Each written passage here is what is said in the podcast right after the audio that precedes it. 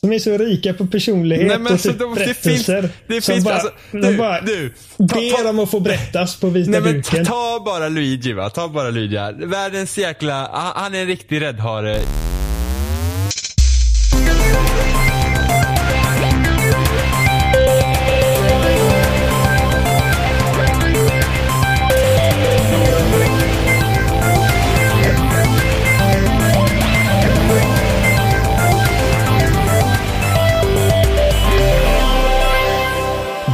På avsnitt 174 och idag är vi jag Johan, vi är Jimmy Ja.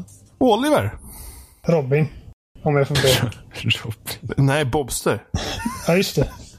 Nej, Det sa du fel. fan. Nej, men jag, jag har ju sagt att jag ska aldrig kalla honom Bobster.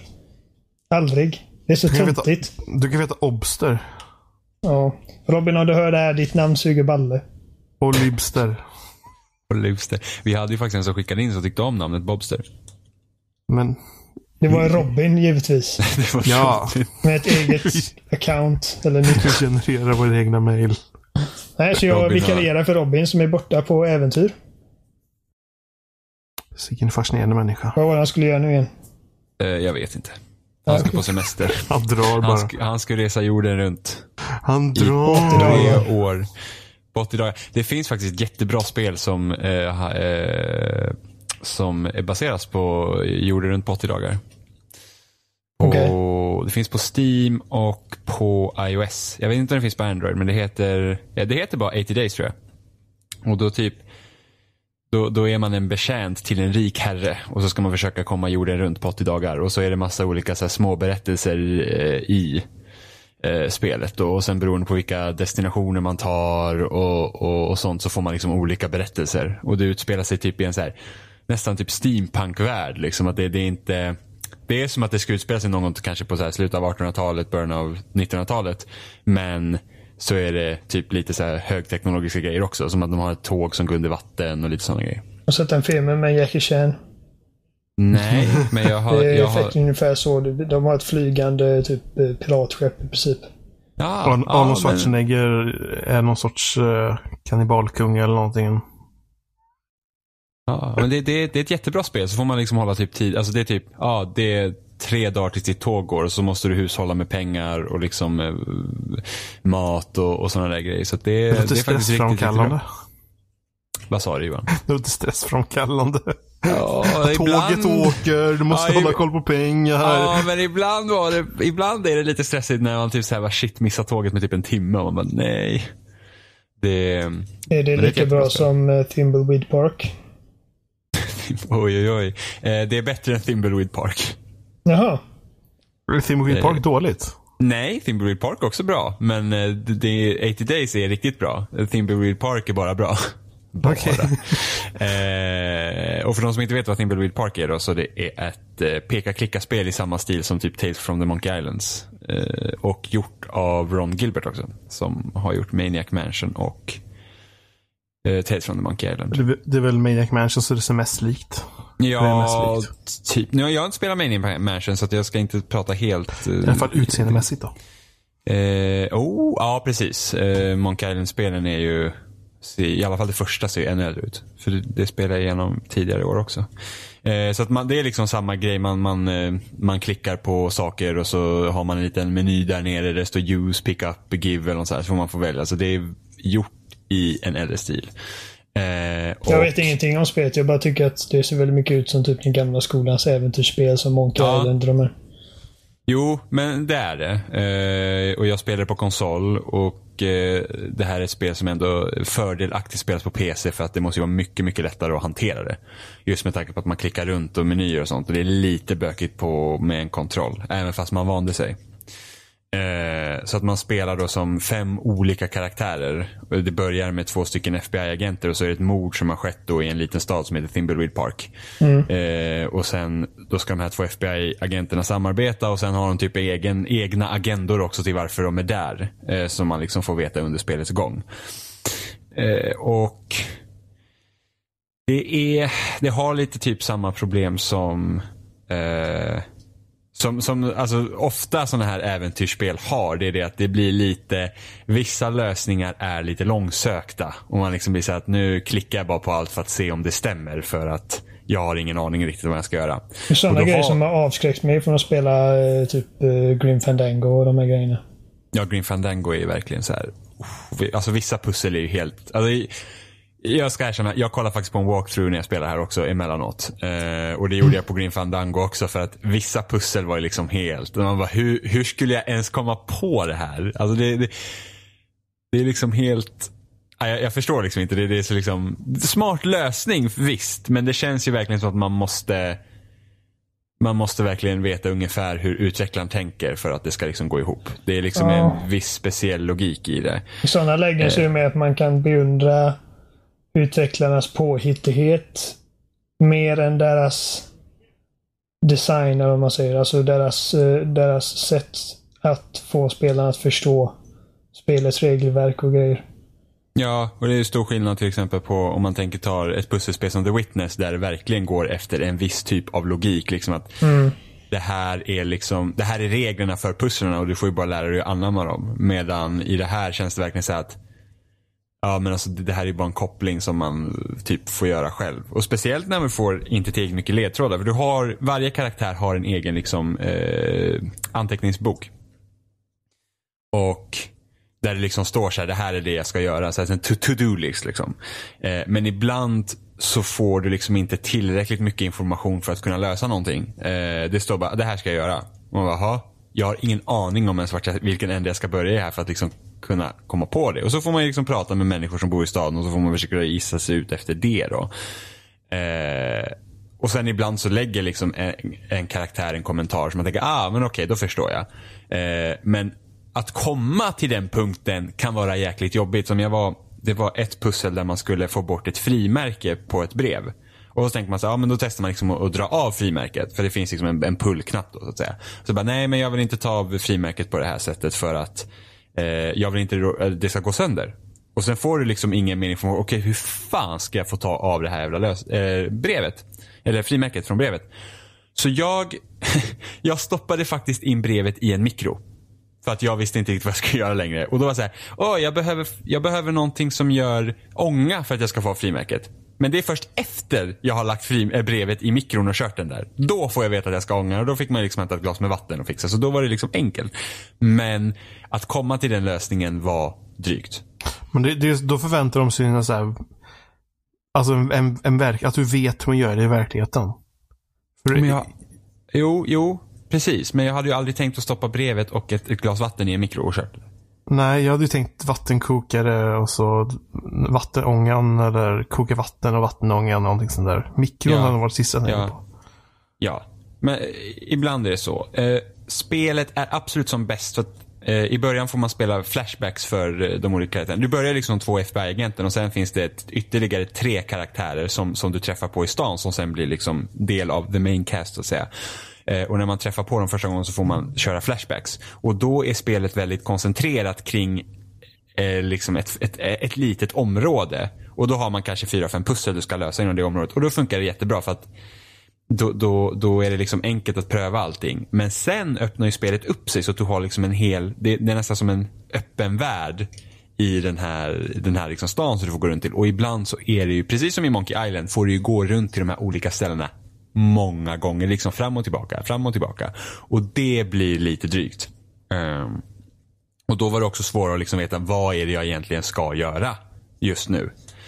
Uh, och sen mot slutet av spelet också så då liksom, för alla karaktärer jobbar senare mot exakt samma mål. Och då behöver du också använda olika karaktärer till vissa saker. Men karaktärerna interagerar inte riktigt med varandra. Så storymässigt så känns det så himla lustigt att de här fem karaktärerna ska vara liksom på samma ställen och hjälpas åt och de liksom har ingen alls. Det liksom känns inte som att man har något samband med dem alls.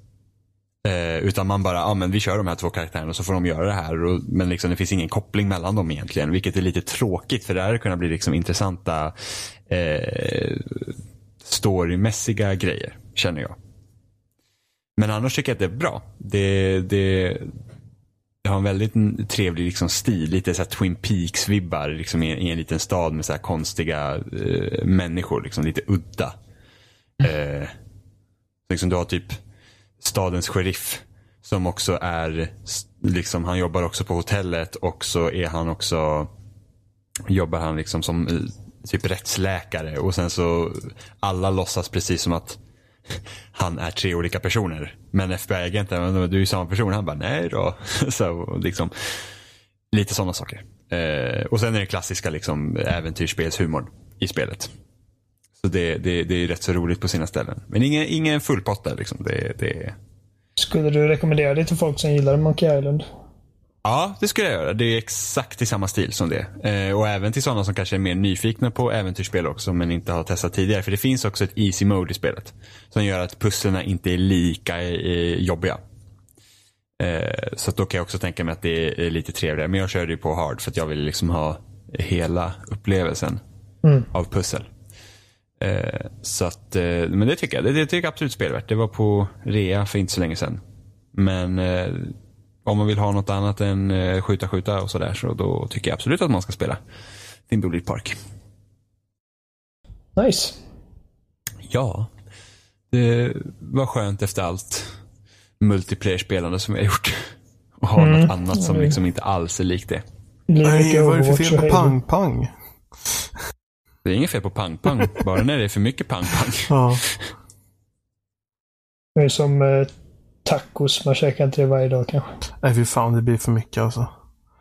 alltså jag, jag är så himla van, eftersom vi liksom har alltid varit så ganska många i min familj, och laga riktigt mycket mat. Alltid. Och jag liksom har inte kommit ifrån det, att laga mycket mat. Så jag lagar även mycket mat nu när jag är själv. Vilket gör att jag ska käka samma mat i ja, fem dagar i sträck kanske. Innan jag byter och gör något annat. Det fungerar relativt... Det är helt okej nu för då slipper du laga mat varje dag. Ja, precis. Det är av den anledningen. Men just tacos är svårt att käka i så många dagar i sträck. Det blir, då, då får man fan kämpa. Fast i och för sig, jag brukar göra så himla mycket tacos. Ibland blir det liksom tacos till både lunch och middag på en dag. Och då blir det verkligen så här. Men det, det jobbiga där är ju att du, det är inte bara köttfärsen liksom. Du har ju även grönsaker. Då ska du hålla grönsaker färska under den tiden också. Ja, fast, man köper ny, fast då får man köpa nya grönsaker och hacka dem till köttfärsen i slut. Typ. Ja, men men då, då, är, då blir det ju att nästan få laga mat hela tiden. Ja, fast inte varje dag. Och sen hacka grönsaker och sånt är enkelt. Ja, det tar ju liksom inte tid på det sättet. Även fast jag hatar att hacka grönsaker för att jag är så lång och alla bänkar är gjorda för små människor. så det, det är väldigt otrevligt. Normala människor? Nej. Nej. Allt pekar på att människor blir längre och längre. Jag är bara före min tid. ja. Uh, Johan, har du spelat någonting på sistone? Jag har börjat spela ganska mycket Overwatch faktiskt på datorn. Oh, ja, datorn. Det är därför du inte är med oss och spelar. Precis. Uh, det är väl det jag har spelat. Och det, det är kul. Det är roligast om man spelar med folk. Men det är helt okej att spela själv och Givetvis. köra också tycker jag. Det är som jag och Jimmy. Vi, vi är ofta helt... Eh, herregud, jag kan inte svenska längre. Jag bara får upp massa engelska ord. Vi, vi, eh, vi blir alltid förvånade över, över hur väldesignat det spelet är. Även om vi har spelat det så jävla länge. Så det spelet är verkligen en masterclass i design. Eh, ja. Inte bara estetisk design, även om det inbegriper det estetiska också, men även liksom hur det är uppbyggt och hur det är balanserat och hur banorna är byggda för att se till att alla hjältar kan göra sina jobb ordentligt och har liksom flanker och grejer att utnyttja som passar deras spelstil. Bara, alltså det är så sjukt jävla smart gjort allting så att det... Ja, och vissa fienders agerande eller attacker har en motpart hos en annan som mm. då kan eh, kan neutralisera det beteendet. och Nej, det, det är riktigt nice. Jag vet att de största naysayers till det spelet brukar dra med det att det bara är sten, sax, påse. Jag tycker inte riktigt det är rättvist för att det är ungefär som att säga att det är sten, sax, påse och 20 andra olika alternativ att välja mellan. Vi ja, har inte sen... tre hjältar i spelet. Nej, och sen så är det ju inte så även om du har en hjälte som kan eh, motarbeta en annan så är ju inte den då är inte det en insta-win ändå. Nej, det måste ju finnas. Eh, Säg att man typ tar uh, McCree och hans stun-grej. mm. Mot eh, typ Kenji eller någonting sånt där. Eh, Du måste göra den på rätt tillfälle. Du Ja. måste ju, och du måste träffa också. Och sen är det ju att ifall, ifall den eh, McCreen hela tiden eh, eh, utklassar dig som Genji, då får du byta till en annan hjälte som lätt kan ta eh, McCree. Precis. Eh, Ja. Som... Eh, men Reaper skulle inte ha så mycket problem med, mot en McCree exempelvis. Eller...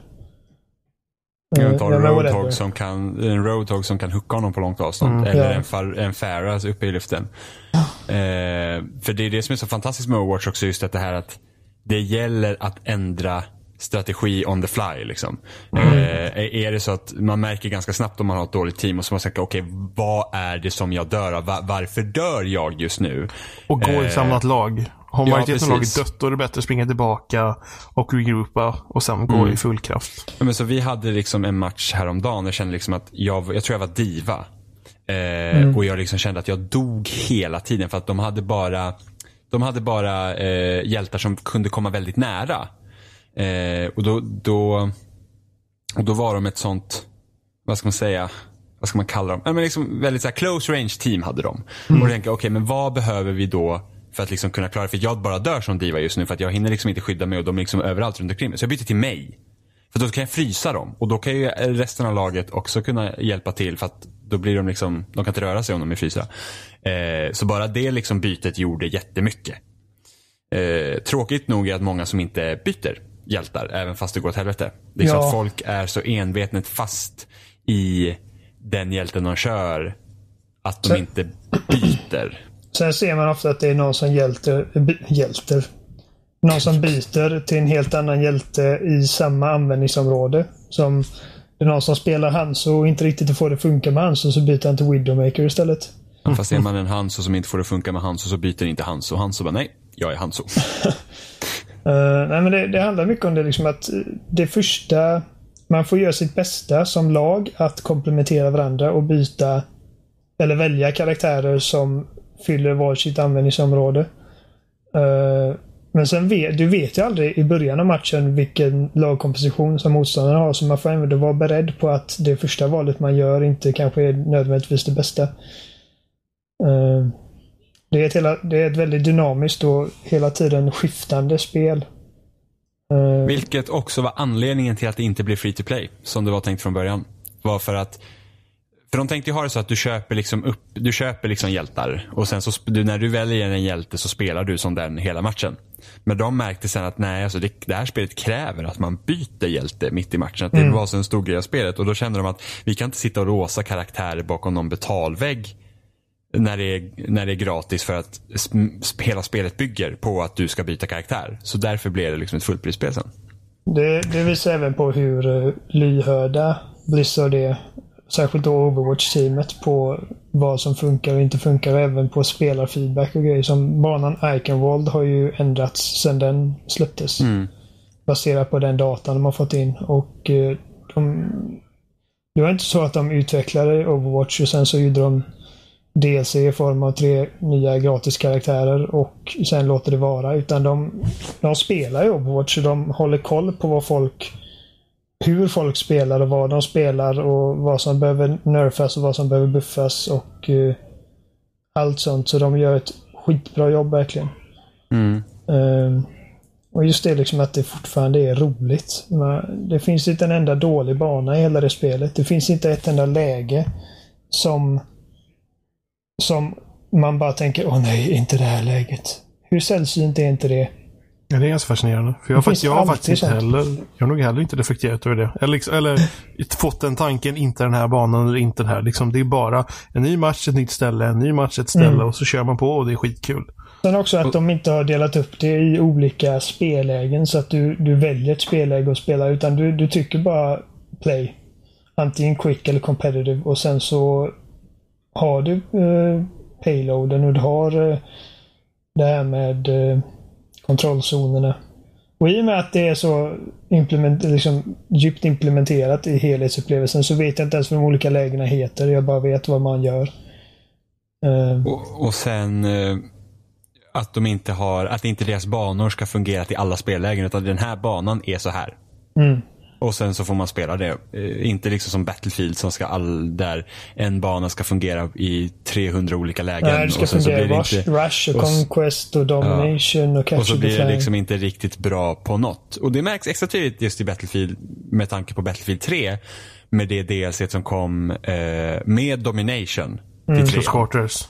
Och det är typ Alltså det är absolut det bästa DLC de Ja. gjort. Förutom typ Vietnam till eh, Bad Company 2. När, jag, när jag tänker på Battlefield 3 och när vi spelade det, då tänker jag på det DLC och när vi körde de banorna. för, för det var det då var- det var som roligast. Ja, det var så... Alltså det är de bästa Domination-banorna jag har kört någonsin. Alltså det var så kul.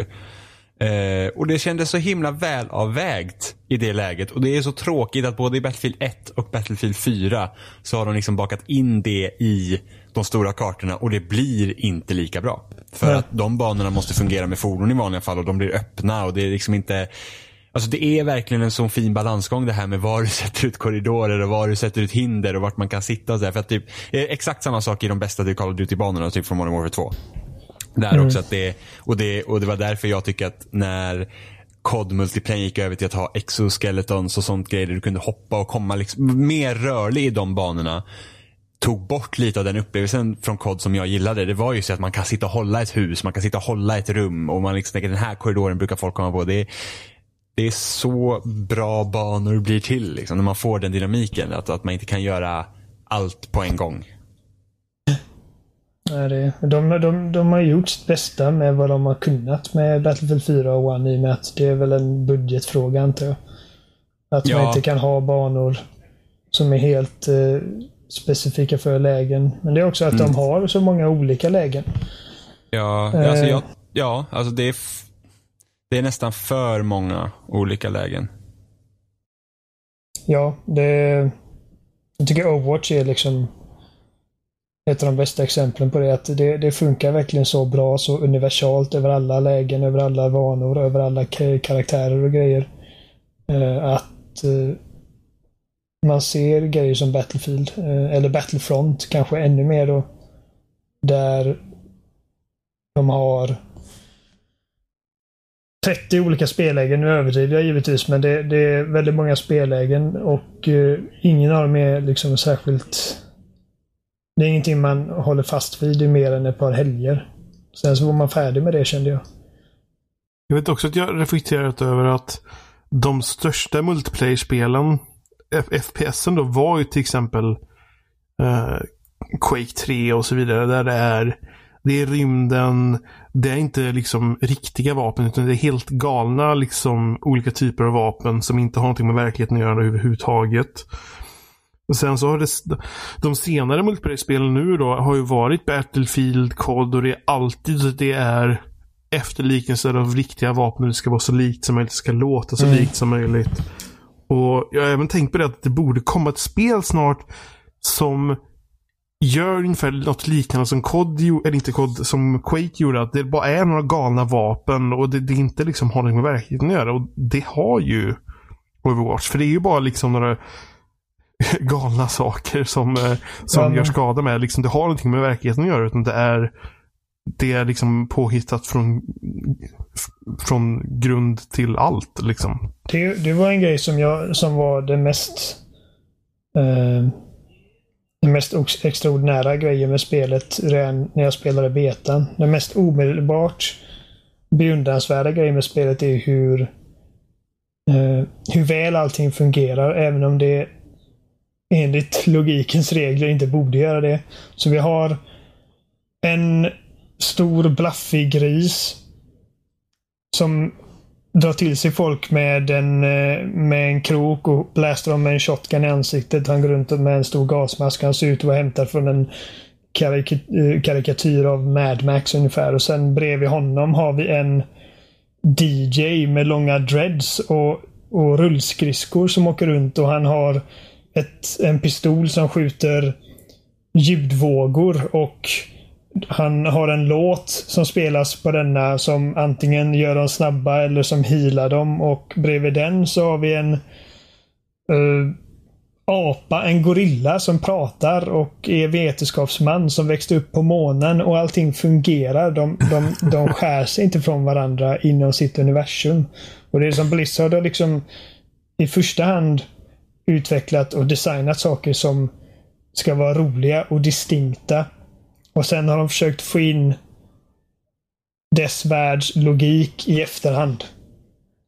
De har ju gjort någon typ av worldbuilding på det sättet att det ändå är någon typ av, av värld. Ja. De, inte bara med inte bara med de uppenbara grejerna som de animerade kortfilmerna som redan innan spelet hade släppts gjorde spelet känt och älskat i princip. Utan även på små detaljer i banorna. Som på eventrummet på attackersidan i början på Watchpoint Gibraltar så ser man liksom, här är Winstons rum i princip. Där, där är hans vapen, Tesla Cannon som han utvecklar. Här är jordnötssmörsburkarna som vi vet att han älskar. Uh, Ja, sen är det så kul när de ändrar i banorna också. Så det följer ju någon form av story i spelet. Så de mm. ändrar ju, de uppdaterar ju banorna efter händelser ibland. Så nu på eh, Numbani tror jag den heter va? Eh, mm. Det är typ en form av stadsbana och där liksom, eh, ja, när, när spelet släpptes så i det lobbyrummet när, på attackerande sidan när man började, det var ju liksom he, ett helt rum. Liksom, att, att, att ingenting var trasigt. Och nu så är det liksom en, en robotliknande grej som liksom har slagits in i väggen för att någonting har hänt. Och det liksom man ser går... att det har skett en strid eller någonting där i det rummet. Ja, och, och, och i den payloaden på den banan så har det funnits liksom en handske i där. Mm. Och den är borta nu för att det kommer väl till någon character reveal eller någonting. Så att det, det är kul att det händer saker.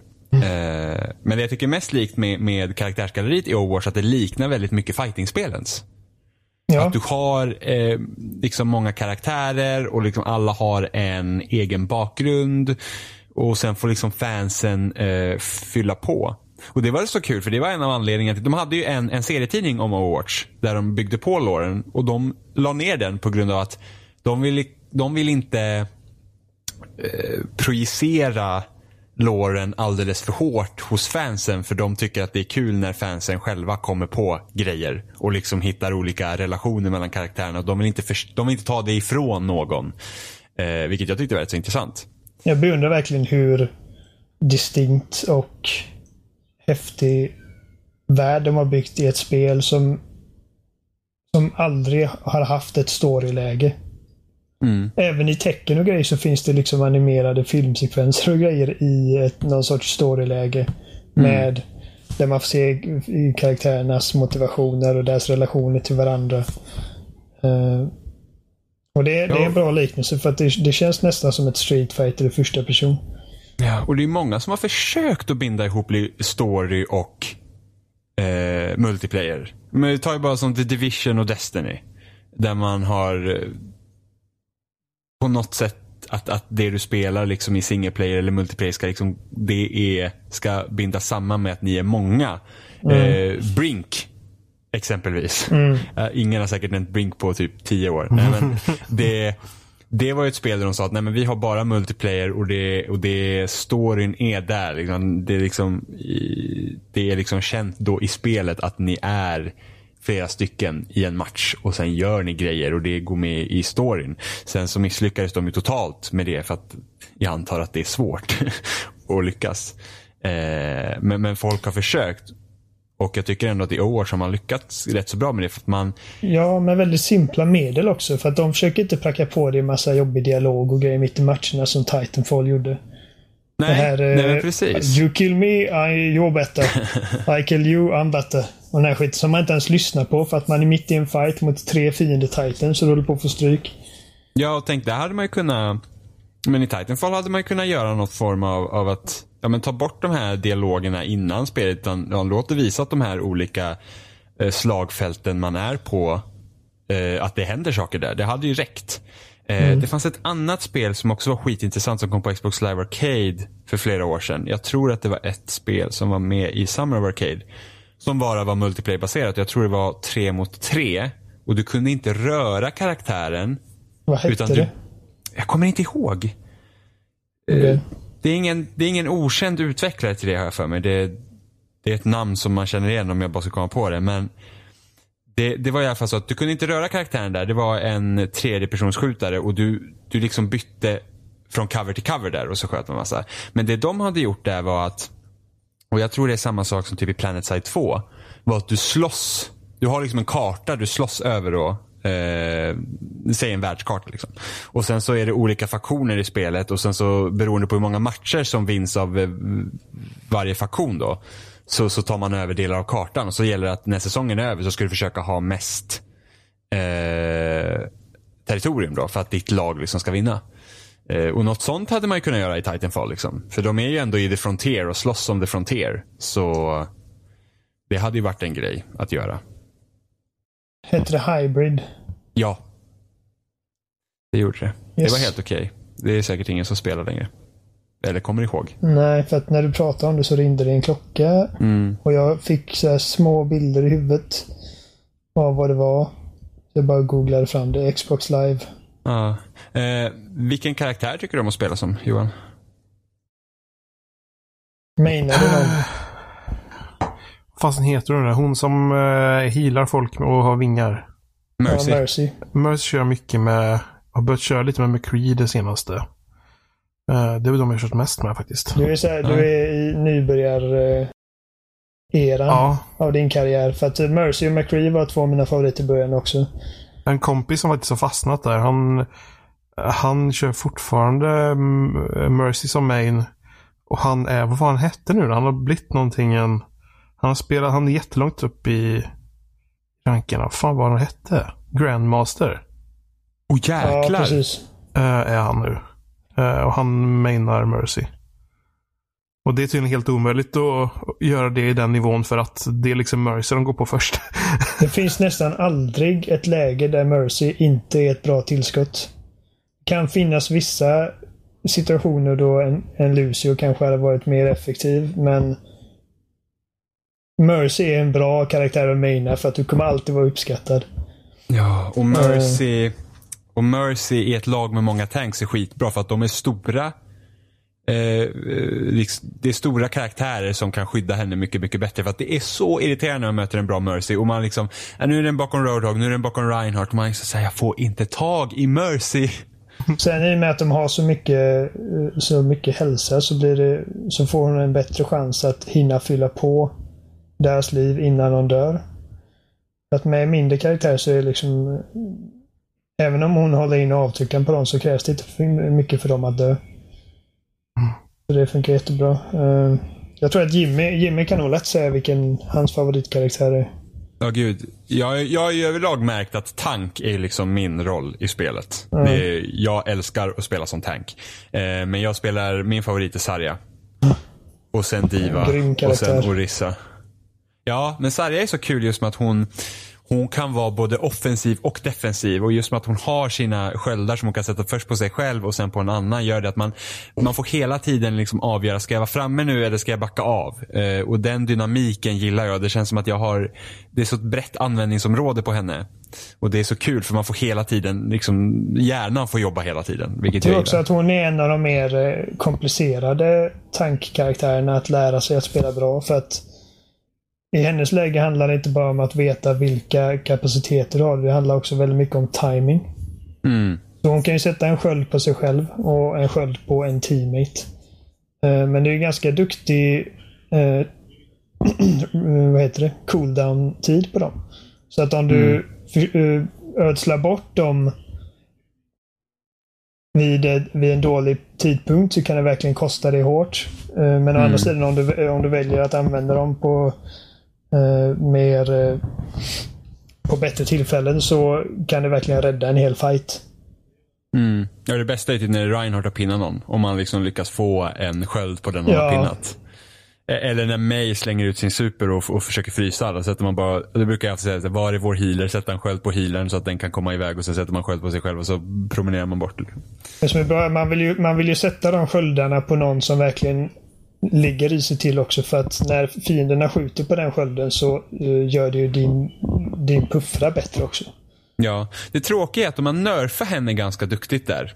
Uh, alltså att du får inte lika mycket eh, alltså strålens energi går inte upp lika snabbt som den gjorde förut. Vilket gör att, för att det var en grej liksom i, i, eh, i början av spelet var ju det att du kunde liksom hamna på, efter matchens slut när du röstar på olika karaktärer, då kunde du faktiskt hamna där liksom för att du hade en hög medelenergi. För då visade det liksom att du har lagt ut eh, sköldarna vid rätt tillfälle och lyckats boosta ditt vapen. Men nu är den så låg så att du kommer ju aldrig upp i det längre. Alltså det är sällan jag ligger på eh, liksom över 50 på energi utan den ligger ofta kanske runt 25-26 när jag spelar. Då. Sen kanske finns Mm. det folk som är ännu bättre på det. Men för att de har nerf, det, det, det tar så lång tid att få upp den nu för tiden. Och sen har ju folk lärt sig spela bättre också. De, de skjuter ju inte på en sarja om man sätter upp skölden. Förut, alltså när, när spelet var rätt så nytt och man körde sarja, man bara pupp på med skölden och de bara prrr, bara pupprade Ja. full med en. Så här, man bara tack. Jag tycker att. Sälja är en sån jävla värdefull karaktär att ha på ditt lag. Så att nu när du börjar spela mer Diva, eh, vilket jag förstår för att menar, att spela bara Sarja, det blir tröttsamt till slut. Eh, så jag har börjat försöka lära mig att spela lite Sarja. Det går helt okej. men jag är fortfarande så här lite att det, det är inte jättelätt att komma in med tänket för att verkligen utnyttja bubblan till sin fulla potential. Mm. Men hennes Ultimate är ju så grymt bra Mm. eh, Ja, för verkligen. laget. Ja, Att man de- samlar Precis, verkligen. Och, Ja. ja, samlar upp allihopa. Men där har ju också Divan tycker jag. Eh, det som är så kul med att köra Diva, och jag kunde inte köra henne från början för jag förstod liksom inte på henne. Utan där, det är ju ett helt annat tänk att köra henne också. När ska man fly? När ska man eh, liksom lägga hårt mot hårt? Eh, hur ska man använda alla hennes grejer? Men det bästa med hennes eh, Ultimate, eh, när hon har sin typ, när hon spränger sin robot, är ju det att det kan skingra ett team som är jävligt tight. Eh, för det kan också vara svårt om, om, om motståndarlaget kommer som en jävla hög och, och, och de bara kör över en. Och så kommer man med Divas ult. Även om man inte dödar någon så måste de akta sig för den och komma bort. Och då kan man dela upp dem och plocka av dem. Så det är också väldigt bra. Eh, Jag, eh, det är svårare för mig att säga vilken karaktär som är min favorit eller den jag spelar mest. Jag tror att den jag spelar mest är nog Lucio, men det är mest för att ingen annan väljer healer. Och jag tänker inte vara i ett lag som inte har healer, så det faller alltid på mig. Eh, men... Jag, inte, jag tror bara att jag, jag, är, jag, är, lite, jag är rätt mång, eh, mångsidig. Jag kan spela Ja, Okej, Defense Heroes brukar jag inte köra så mycket. Det är ju Bastion och Torbjörn och mig och Hans och alla de här. Men eh, bland offensiva karaktärer och eh, tanks och eh, supports är jag ganska eh, ganska dynamisk på det sättet. Jag eh, jag tror att jag försöker bara hela tiden hålla koll på vilka karaktärer som kan kontra vilka och vad deras styrkor och svagheter är. Eh, så jag brukar inte spela Winston så mycket, men ifall, ifall man möter ett lag som har mycket eh, rörliga karaktärer och squishiga karaktärer som, som Genji exempelvis. Genji kan vara en mardröm. Men så fort man slänger in en Winston i mixen som i princip inte kan missa med sitt vapen och har en väldigt eh, och Genji kan inte reflektera tillbaka hans, eh, hans eh, el heller och då, då blir Genji helt plötsligt, plötsligt tvungen att antingen backa eller så kommer han dö. Så att... Eh, det, är bara, det, det är kul, det är liksom det metaspelet. Liksom att hela tiden ha koll på vad man är, går upp mot och på olika lösningar på det. Nu på sistone har jag börjat spela rätt mycket Soldier. 76. Eh, bara för att folk har börjat spela väldigt mycket Farah. Och Farah kan vara en mardröm ifall man inte har någon som, åh, som eh, aktivt kan jaga ner henne. Eh, så Soldier är väldigt bra på det. Fan, nu blir jag sugen på att spela Overwatch. Alltså. ja, det är bra spel. Mm. Det är bra. Men eh, Oliver, Mm. du hade ju äntligen eh, sett den bästa filmen baserad på ett spel någonsin. Äntligen. Äntligen. Det är vet du vad det roliga är? Nej. Att det skämtet hade varit så mycket roligare ifall filmen faktiskt hade varit den sämsta. Men det bara visar sig att den är som alla andra ungefär. Dålig. Den är inte bra nej. Uh, Assassin's Creed. Mm. Uh, var börjar man? Jag tror att det största problemet för mig med den filmen det är inte att majoriteten av filmen utspelar sig i nutid, även om jag förstår Varför det kan vara ett konstigt beslut. Utan det, det som är absolut tråkigast med filmen är att de låter sig inte alls ha kul överhuvudtaget i filmen. Den är så grymt seriös. Och högtravande och melodramatisk. Eh, bara no fun allowed överhuvudtaget. Eh, så mörk och bara ödesdiger och tråkig. Eh, och i och med att i och med att eh, den riktiga protagonisten i filmen är Callum, som är i nutid, blir det att när man väl får en scen med hans eh, Spanish Inquisition alter ego eh, så är man inte lika investerad i vad som händer honom helt plötsligt. Jag kommer inte ihåg vad han heter nu ens. Uh, jag kommer inte ihåg. Det är Michael Fassbender som spelar båda karaktärer helt enkelt. Uh, och jag, jag, ser liksom hur de har typ de, de har lagt mycket tid och energi på att få till en look till filmen som passar spelet. Som de har scenen när han slänger sig från en hög höjd med där Leap of Faith-grejen. Mm. Och det ser nästan exakt ut som de gör i spelen. Som de också med... nämner vid namn i filmen. Har jag hört. Det kommer jag inte ihåg. Eh, Nej, det, är, det är en annan podcast jag lyssnar på som säger, för det är så dumt. Det är såhär, oh, he made the leap of faith eller något sånt här. Och man såhär, why? He pressed A. Ja men typ, oh, it's that eagle vision. Ja, nej, ingen Eagle Vision. Som jag minns det. Uh, nej, men, nej, precis. Men, men de har fått till liksom det, typ det, det visuella till, i mångt och mycket. Även om det är alldeles för mörkt och tråkigt som sagt. De har örnarna och de har de här luvorna och allting. Uh, men uh, Nej, jag vet inte. Den, den, den, var inte, den var inte kul. Den var välgjord, välproducerad och det är väldigt duktiga skådisar inblandade. Som Michael Fassbender är ju helt briljant och Marion Cotillard är ju hur bra som helst skådespelerska och Jeremy Irons är ju en legend.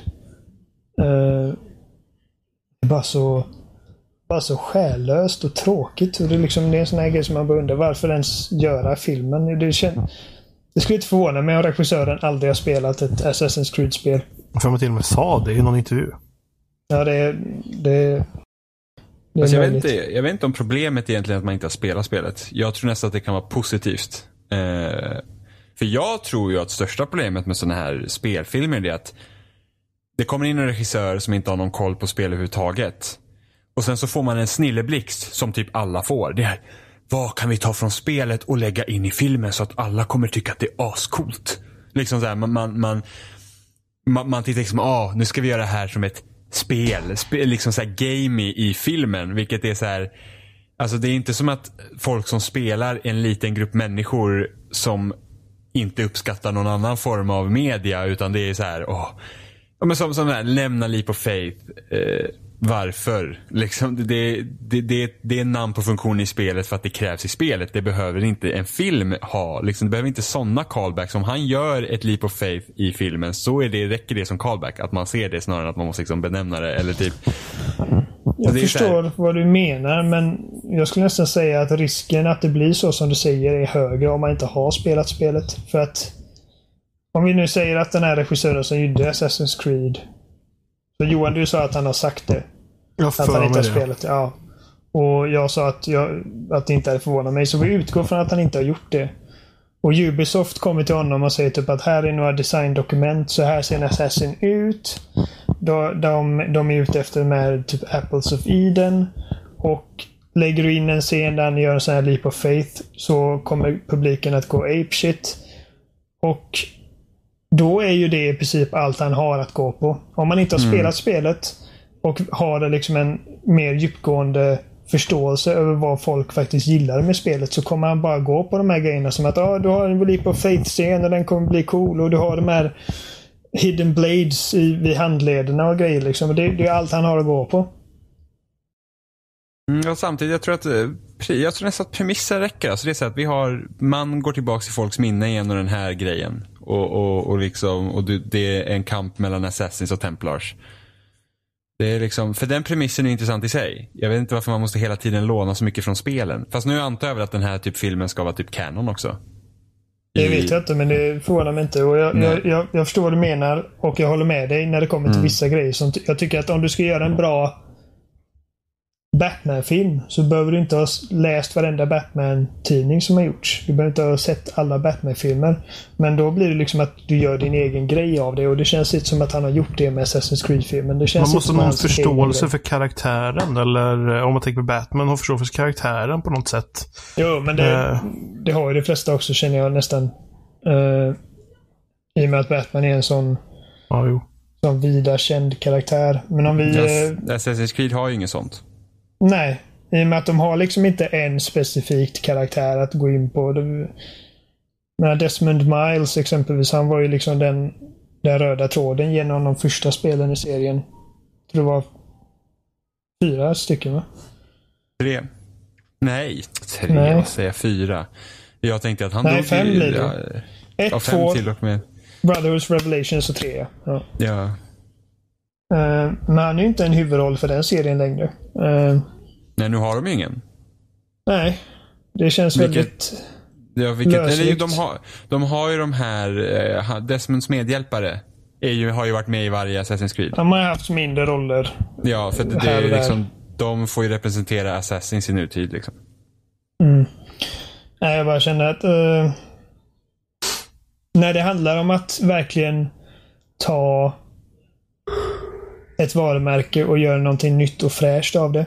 Så kan det vara en fördel att inte ha för mycket av det gamla i bakhuvudet. Även om man, man måste ju ha en sorts förståelse för vad ett varumärke är innan man gör om det givetvis. Men du behöver inte vara ett jättefan av någonting. eh, för att det ska fungera. Men då hänger det också på att du försöker göra någonting som är sin egen grej. En omtolkning av någonting. Mm. Eh, som... Men sen har du typ som Resident Evil där, där ja, ja, de filmerna gick ju helt bananas å andra sidan liksom. Och det är kul för att det, Resident Evil-serien måste ändå vara den mest framgångsrika tv-spelsbaserade filmserien som har gjorts. Jag var ju typ åtta filmer. Och Sju, åtta stycken och folk går och ser dem varenda gång. Och jag har bara sett den andra filmen. Den, Alltså, den första och delar av enda andra. jag tycker är liksom... Men nu har inte jag sett den första på många, många år. Så jag tar det här med en nypa salt. Men jag kommer ihåg när jag såg den så var den i alla fall... det- Den hade underhållningsvärde. Och den var Ändå- creepy. Och det är ändå lustigt med första Resident Evil att man liksom inte tog att man inte tog eh, att man ändrade liksom på källmaterialet helt. Du hade väl fortfarande huset va? Nej, I inte början. direkt. Under Äh. ett hus. Under ett hus? Okej. så här underjordiska, typ Umbrella eh, eh, Ja. laboratorium och grejer. Ja, för det hade ju varit skitintressant att göra ett skräck, alltså en skräckfilm med, alltså, så ta från första Resident Evil liksom. Och så har du en grupp specialsoldater där. Jag förstår inte varför man ändrar på det. För sen andra, andra Resident Evil-filmer, vilket är den enda jag har sett då, där är, är de ju i Raccoon City. Och Nemesis är med och grejer. Ja. Så att det är väldigt eh, lustigt. Även, alltså det är, den breda massan går ju uppenbarligen att se de här filmerna så att eh, det är väl någon sorts Fast and the Furious grej där. Att det, det är liksom Objektivt sett så är det kanske inte särskilt bra filmer men det är, det är dum och kul underhållning. Mm. Ibland Ja. behövs det också. Vad sa du? Ibland behövs det också. Ja, absolut. Eh, Nej, jag vill bara ha mörka och svåra filmer. mm. Och långsamma också. Eh, Verkligen. en film som jag har hört mycket som folk eh, prisar. Inte för att det är en särskilt jättebra film, men för att den är liksom över average. eh, är ju Silent Hill-filmen som släpptes. eh, 2006 eller något sånt där. Inte heller sett. En av få skräckfilmer jag har sett. Eller skräck och skräck, men den är... Ja, men det är väl en skräckfilm. Ja, jo, Skulle väl det. klassa den som. Johan väl gillar där, är, där, där, där var ju regissören, jag tror han var fransman. Han var ju ett väldigt stort fan av Silent Hill-spelen och då framförallt tvåan, antar jag, för att det är väl det som är bäst. Ja. Eh, Men där hade han ju... Där gick han ju också in i den här fällan, liksom att man tar tillbaka för mycket eh, jag vill säga imagery. Mm. Bildspråk. Mycket av bildspråket från spelen som inte riktigt är logiskt i filmen. För att ta typ Pyramid Head, det dyker ju upp i filmen. Mm. Och Pyramid Head är ju någon sorts... Nu har inte jag spelat hela Silent Hill 2, men som jag förstått det så är Pyramid Head någon sorts manifestation av den karaktären. Sunderland heter han va? James Ja, Sunderland. eh, Och hans eh, typ ånger eller någonting. Så att det är väldigt knuten till honom. Jag spekulerar med. Det, det, det är det som är så fantastiskt med Silent Hill och speciellt tvåan är ju det att Alltså, mycket kan ju peka på att det handlar om män, mänskliga psyken och man vet inte riktigt vad som är riktigt och varför finns. Alltså symboliken i, den spel, eh, i det spelet är väldigt viktig och man kan liksom göra olika tolkningar av det. Det är liksom ingenting som egentligen skrivs dig på näsan utan det är så här, vem är den här personen som visar för honom? Visar den bara för den här personen? Vad kan det betyda? Och, och just det här mycket med ånger och Känner att Silent Hill-serien är väldigt symboliskt driven överhuvudtaget. Ja men speciellt, speciellt ettan och tvåan. Trean blev så himla konstigt för det var, det var som en direkt uppföljning på ettan. Och tvåan är ju väldigt löst kopplad till både ettan och tvåan. Eh, så att jag misstänkte liksom att, att även när de gjorde trean att de inte riktigt förstod vad, vad de hade liksom hittat för guld i tvåan. Eh, Men, och det att Ja, men som Pyramid Head, alltså det, Pyramid Head symboliserar väldigt mycket i de olika scenerna han är med i spelet. Ja, så Eh. Pyramid Head borde ju inte finnas i någonting som inte James Sunderland är med i. Ja, eller om man, man kan ju köra på samma symbolik. Kan man göra med Pyramid Head. Ja, Jag, vet inte, var, jag kände bara att en Pyramid Head kändes rätt malplacerad i filmen. Mm. Ja, men då har man inte lyckats. Men Pyramid Head, alltså man skulle kunna göra... Jag kan tänka mig att David Lynch hade gjort en jävligt bra Silent Hill-film. Ja, alltså med tanke på hur senaste revivalen av Twin Peaks ser ut så känner jag att ja, jo men det hade ju... Det hade ju han ju kunnat göra. känns lite som Silent Hill hade dragit så här, estetisk inspiration från Twin Peaks. Och herre, alltså du anar inte hur många disturbing scener det är i revivalen av Twin Peaks. Alltså det är verkligen så här. Alltså han verkar älska verkligen att ha långa scener med kameror, kameravinklar liksom stannade kvar lite för länge för att man ska känna sig sen man bara okej nu är det disturbing. Ja, men Ja. ungefär som i 12, eh, 12 years a slave. Eh, när han hänger fast i repet där och, Åh, det är liksom är, och den scenen är Bara så pass lång. typ tre minuter. Ja, och, ljud, och ljudet liksom- av leran. Ja, för att det liksom ska vara så obehagligt. Och David Lynch är lite samma sak i Twin Peaks. Att man, liksom, åh, här är en konstig människa som sitter och stirrar mot en vägg. Och den scenen är typ två och en halv minut lång. Och man var så här, det är det enda man har sett. För att det skapar en viss eh, oro i tittaren. ja. Så man inte är säker på vad som kommer hända. Och det känner jag att, att David Lynch hade kunnat gjort en Silent Hill-film. Det, det tror jag. Det har varit intressant. Tal om eh, spelfilmer. Jag vet vi har ju pratat om detta privat en hel del. Eh, inte lika mycket med dig Johan. Eh, om, om du hade varit en storpamp i Hollywood och någon har kommit in i, i, till ditt kontor och sagt att vi, vi behöver en spelserie att göra en film av. Vad, vad hade du kollat på för grejer och varför? Vad är ditt resonemang? Vad, vad är det som gör att en grej funkar bättre som film än en annan? Alltså, jag tänker ju liksom typ om man... Vad för film man, eller vad för spel man skulle tagit om det hade funkat då? Eller Mm. vad... Nej, men om, om, du, om du fick välja liksom att du måste du måste välja ett spel som vi ska göra en film på. Jag skulle aldrig välja Super Mario. Nej, men det, för det första är det redan gjort. Ja, men jo, men av just den problematiken som det Ja. blev. För Det, det, liksom, det finns inte så mycket att, att göra på. Uh, den, den så enkla genvägen är att göra ett, ta ett spel som är filmiskt redan. Um, så man tar då Uncharted eh, och så vidare. Ehm, men då kan det bli problematiskt för att det kanske inte till, finns tillräckligt mycket för att det ska funka. Eh, Vad fan ska man ta? Jag vet inte. Det är det jag känner, för du är uppenbarligen inte ensam i di- ditt resonemang. För att Uncharted-filmen är på väg. Ja, men det är inte Och- säkert att det blir bra överhuvudtaget. Nej, och de, de, de har ju snackat ett tag om en The Last of Us-film. Eh, Jag tror inte att det kommer bli av i slutändan, men det har ju funnits, det finns ett manus och allt möjligt. Det jag känner är att det är just den det, förlåt mig nu, men det är just det tänket som jag känner förstör filmerna. Mm, jo, det, det det jag om- skulle komma till också. Ja, för att om, om man ska göra en film av ett spel så är det väl ingen idé att göra film av ett spel som redan är filmiskt. Precis. För att de har redan gjort den grejen och de gör det bra.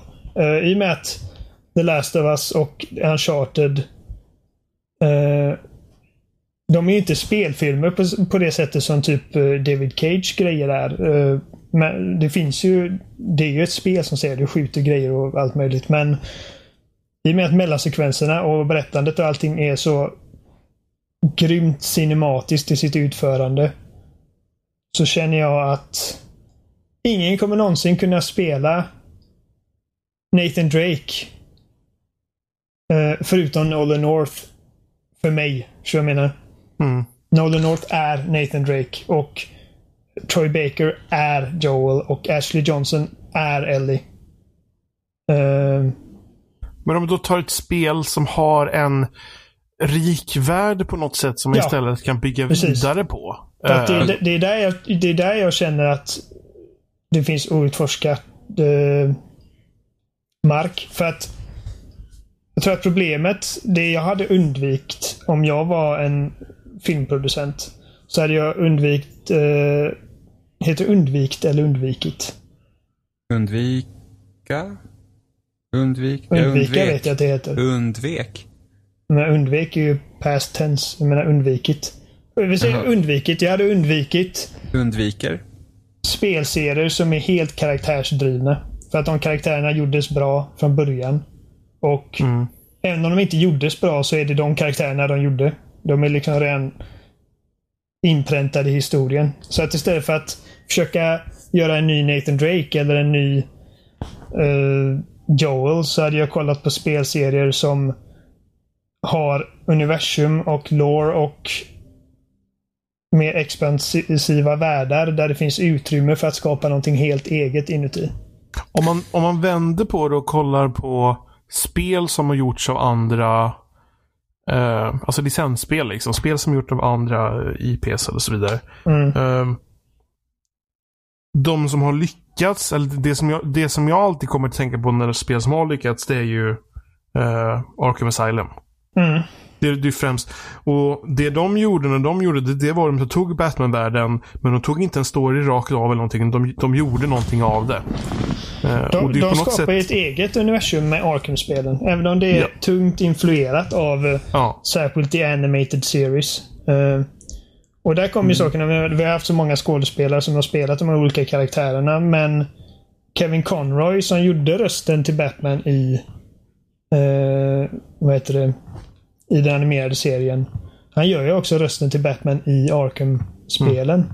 Så Men att det, det- blir- det blir inte samma disconnect redan från början för att vi känner inte redan till hans version av Batman. men det, precis men som det är Mark Hamill gjorde någon, någonting i den stilen som man får göra med filmer. Alltså att man, alltså inte liksom, att man får en, någon sorts värld, men man gör ingen spin på det. Och gör något av det istället för att bara kopiera rakt av. Alltså man vill fortfarande skapa någonting. Men, men det som är så tacksamt med Batman och jag tror det är, en, det är en ganska viktig skillnad är det att det finns redan så många iterationer av Batman. Ja. Ja, Eh, så vi det är redan finns så öppna för nya tolkningar av Ja, det. det finns så mycket att ta ifrån och man kan liksom blanda. Man kan ta den här aspekten, man kan ta liksom, om vi kör den här jokern och vi, liksom, vi lägger till den här bakgrundsstoryn.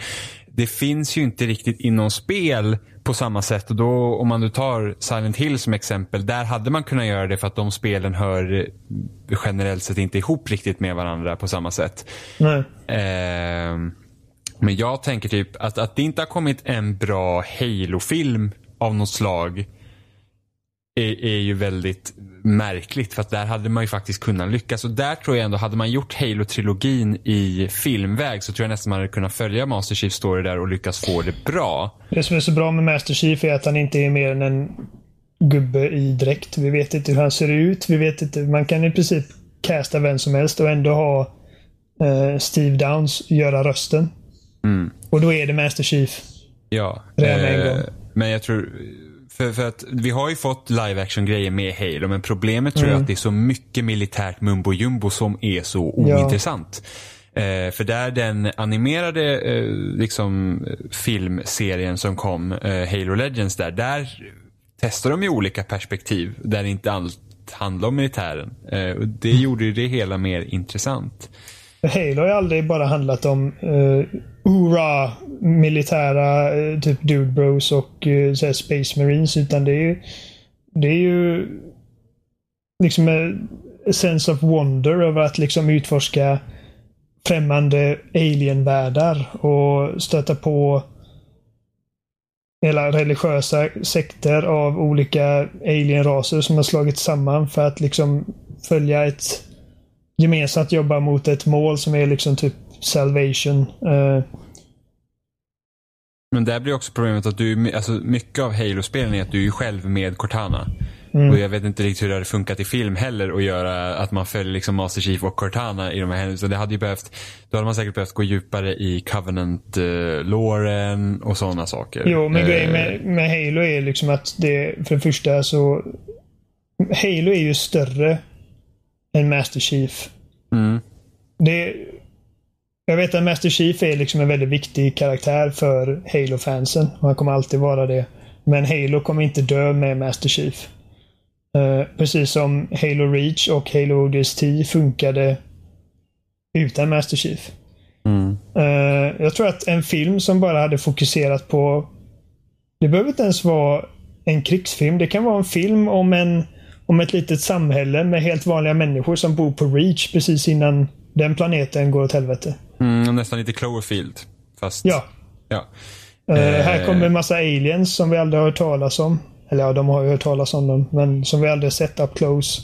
Och de kommer för att glasa våran, vårat hem.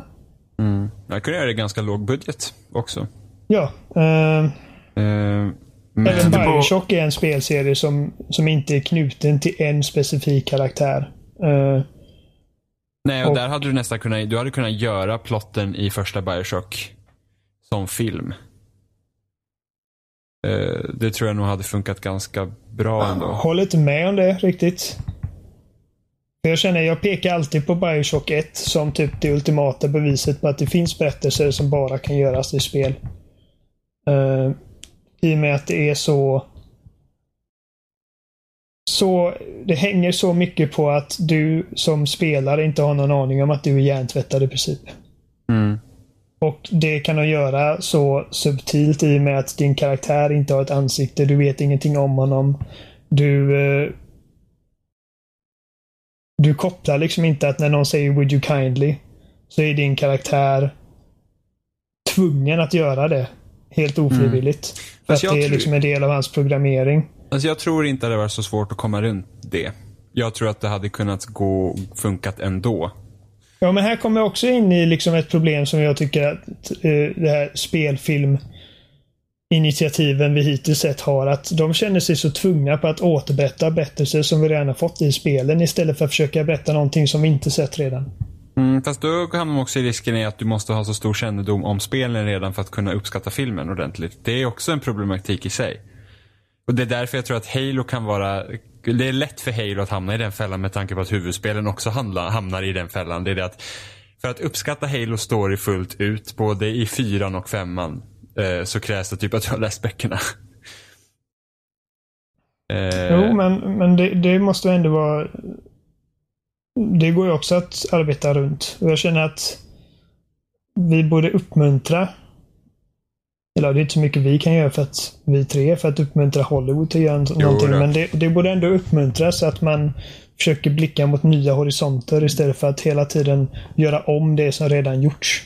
Ja, absolut. Jag tror ju att en tv-serie om Bioshock hade fungerat in, eh, som leder upp till Raptures fall hade kunnat göras jävligt intressant. För då, får du följa, då hade du kunnat få följa med en grupp människor och sen så bara blir det värre och värre och sen ja. så typ slutar det i kaos. Liksom. Det där finns det ju sådana, liksom, det finns ju karaktärer i Bioshock som nästan måste vara med. Mm. Som Andrew Ryan och Fontaine. Men de är också sådana karaktärer som man kan ha i bakgrunden. Du vet. Ja, man hade till och med kunnat börjat, man hade till och med kunnat börjat eh, du hade kunnat börja serien, om man nu tänker att det här ska vara ett långt projekt med många säsonger. Då kan du ju börja serien samma dag som Rapture eh, bör, eh, öppnar.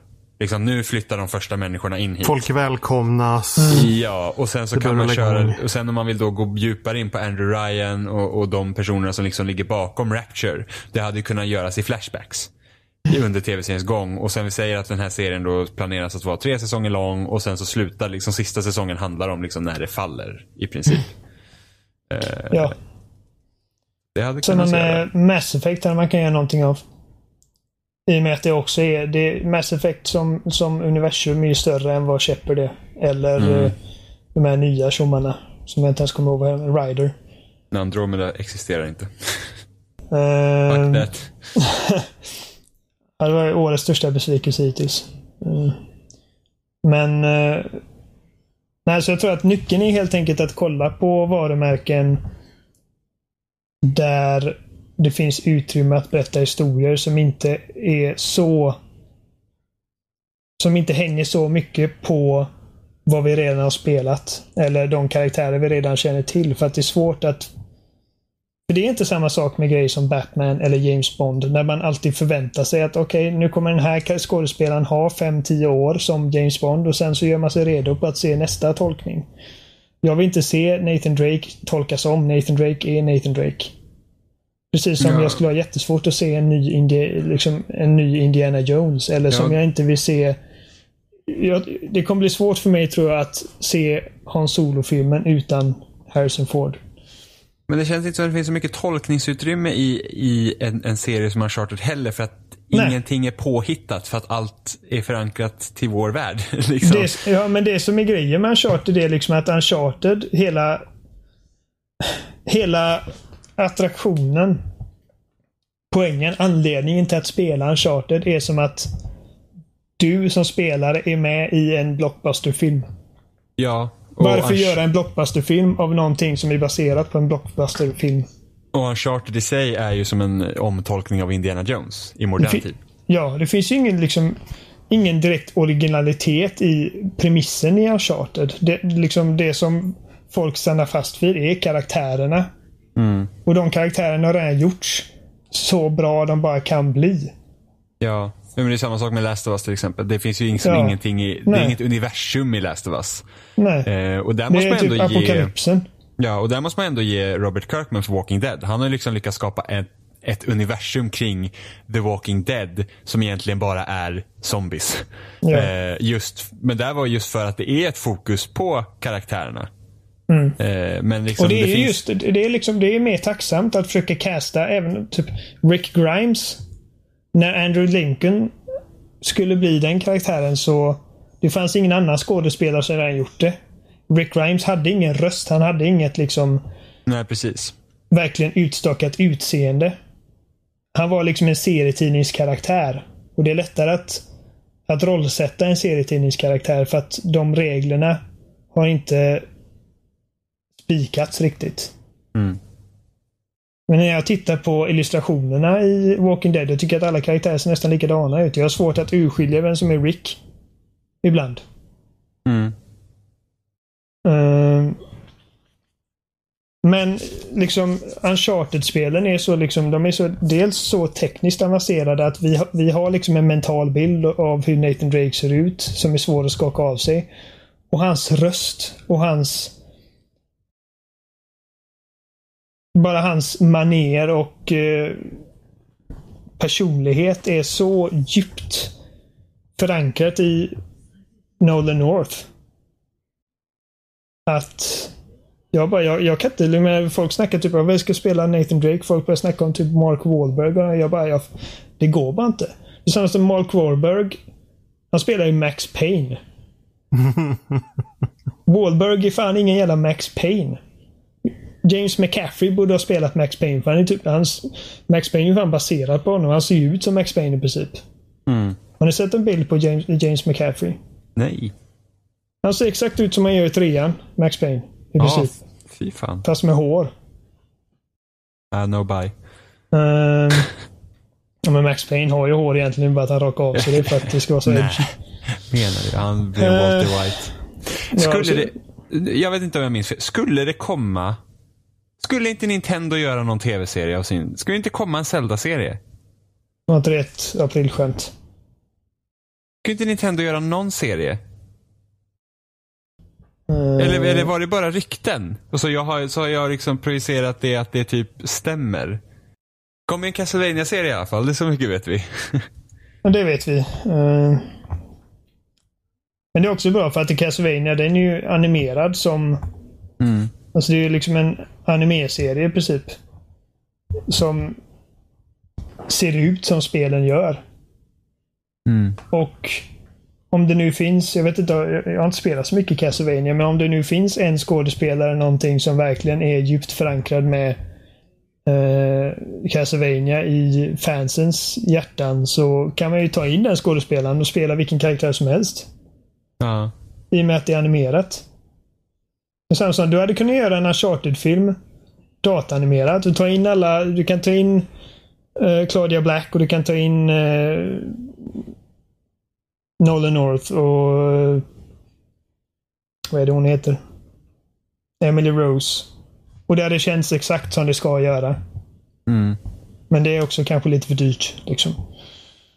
Nej, det var bara rykten om Zelda. Vad fan, jag hade ju för mig att det var någonting mer om Nintendo ska göra någon film av sina grejer. Ja, ja. Sak samma. Det stämmer inte. De har väl sagt att eh, de med, med tid kommer flytta sig till den typen av underhållning. Eh, Ja. Men det var ganska länge sedan de sa det. Men folk Ja. snackar ju, en Zelda-serie. Alltså Zelda måste ändå vara typ ett typexempel på en spelserie som är liksom helt värdelöst att göra film av. Nej, jag tror att det hade, jag tror att det hade gått. Men Det finns ju rätt så mycket- verkligen- Du hade verkligen fått satsa på det då. Alltså, Ja, ja absolut. Alltså, absolut. Men det, det finns ju en del politiska intriger och så. De har ju låren bakom det. Så att det, det är inte helt omöjligt. Men då hade ju inte fokuset kunnat vara riktigt på Link. Nej, på för Link är sätt. inte en karaktär. Men Link kan ju bli en karaktär. Han har Men- mer personlighet nu för tiden. Problemet är att Ja, ingen men- kommer någonsin lägga ner tiden för att liksom Nej. verkligen göra det ordentligt. Så att, då säger man då, då hellre liksom att gör det aldrig istället. Jag vet, men det är ju därför. Det är såna här lägen som jag bara känner. Jag blir frustrerad för jag bara känner varför? Varför?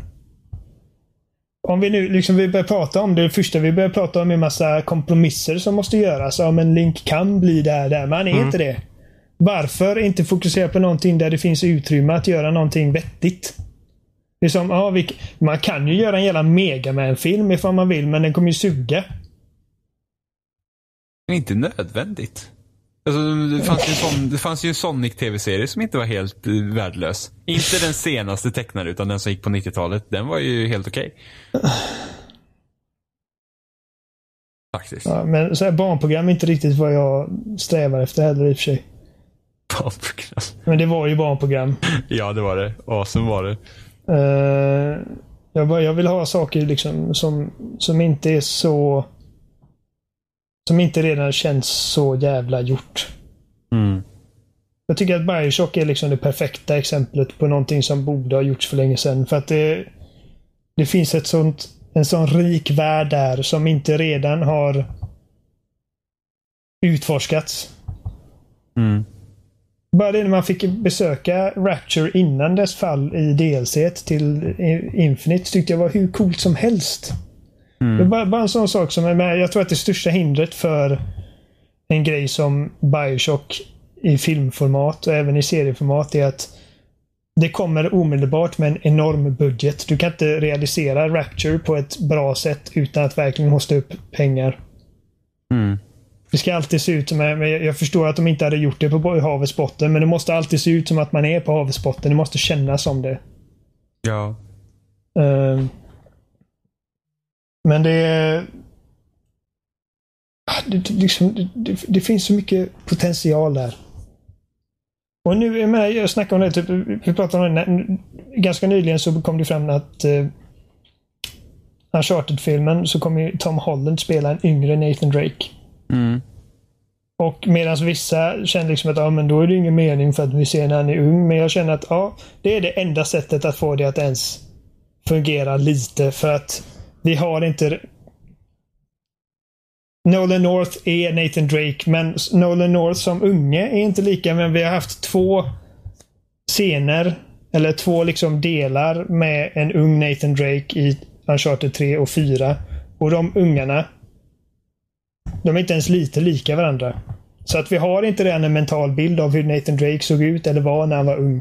Nej. Och jag liksom tittar på typ Tom Holland i, i hans roll som Peter Parker i Civil War, Captain America. Mm. Och jag bara känner att han har de kvaliteterna som en ung Nathan Drake bör ha. Vilket är rätt roligt för att nu, jag vet inte om de har, de har inte börjat filma Uncharted-filmen än va? Nej. Nej, för att jag tänker hur gammal var Nathan Drake i första Uncharted-spelet? Han måste typ varit mitten av 20, slutet av 20 års ålder måste han ha varit. Något sånt. Jag skulle gissa tidigt 30. Tror du det? Men hur gammal är han i fyran då? Fyra, han måste vara över 40 i det spelet väl? Ingen aning. Jag vet faktiskt inte riktigt tidslinjen där. Tom Holland är inte jätteliten längre. Eller okej, han är 20. Han är 20 och man kan få honom att se lite yngre ut också. Ja, det är jo. liksom, Babyface. jag tror att det största utmaningen för den blir liksom att casta Sullivan. Ja, ja, det blir ju svårt. Han har ju också så distinkt röst. Ja, och ett distinkt utseende också. Det, Mm. ja, det blir svårt. Men jag känner att alltså, hade jag fått bestämma så hade Uncharted-filmen aldrig blivit av. Och jag hoppas att The Last of Us-filmen aldrig blir av. För att det är en sån grej. Liksom, när det kommer ut så kommer det på något sätt påverka vår uppfattning av Uncharted och Last of Us i sin helhet.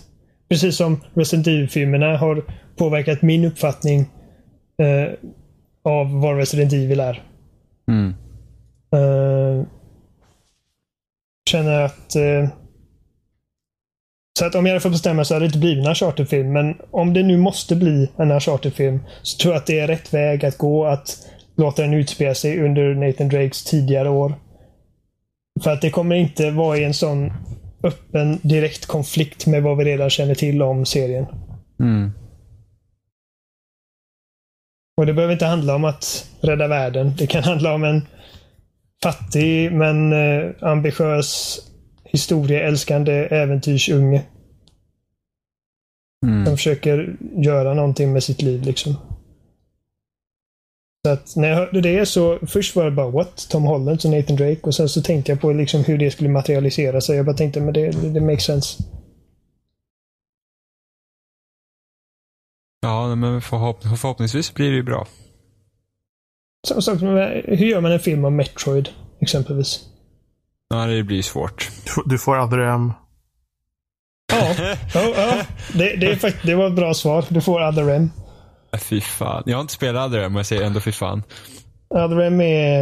Det går fort. Jag Alltså, tror jag tar bara tar arg sex bara timmar. jag Någonting. Det. det. är bara typ, tar säkert bara typ sex timmar någonting att köra igenom. Ja, men då måste jag ju slösa pengar på det också och packa upp mitt Wii. Jag, jag kan skicka Ja. mitt om du vill. Nej, Du behöver inte spela det. Det kostade nio spänn en gång på Discshop tror jag. Jag köpte det inte. Nej. Softmod och Wii istället och så Jag, eh, ladda ner det. Nej, men, nej, men precis Johan. Du satte huvudet på spiken. Du får Other M. Och det sög. För många spel, eh, många spel som de flesta av Nintendo, alla skulle jag säga, alla Nintendo-spel är designade kring att det ska vara kul att spela. Allt annat kommer sekundärt. Karaktärer och stories och allt sånt. Det läggs till i efterhand. Ja, fast det gör också att man, det gör att man har lite mer spelrum också. Alltså det skulle ju kunna i princip göra en Super Mario-film. Liksom. Metroid blir lite svårare.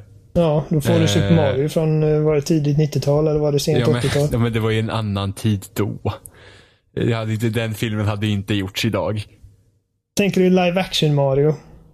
Jag kan Nej, inte se det Det fungera. hade inte behövt vara live action Mario. Det hade kunnat varit CGI också. Typ tänk Pixar gör en Super Mario-film. Så du ser det hela, okej så du, vi säger typ det är en Netflix-serie, animerad, så att den åtminstone ser ut som Mario ska Nej göra. men, nej men låt Pixar göra en Super Mario-film. Det hade ju funkat. Filmer, spel kan handla om så mycket mer än film kan göra. Ett spel kan vara helt spelmekaniskt orienterat och det kan vara helt storybaserat. Så vi har liksom Vi har eh, första Super Mario kontra Gone Home. Film handlar alltid om berättande. Jo, jo, men du, du, du, har ju, du har ju så mycket spelrum med Super Mario. Eftersom det inte finns någon tyngre story i, i själva spelen så kan du hitta på lite vad du vill. Vilket typ av manus skulle du behöva för att sätta dig och faktiskt kolla på en Mario-film?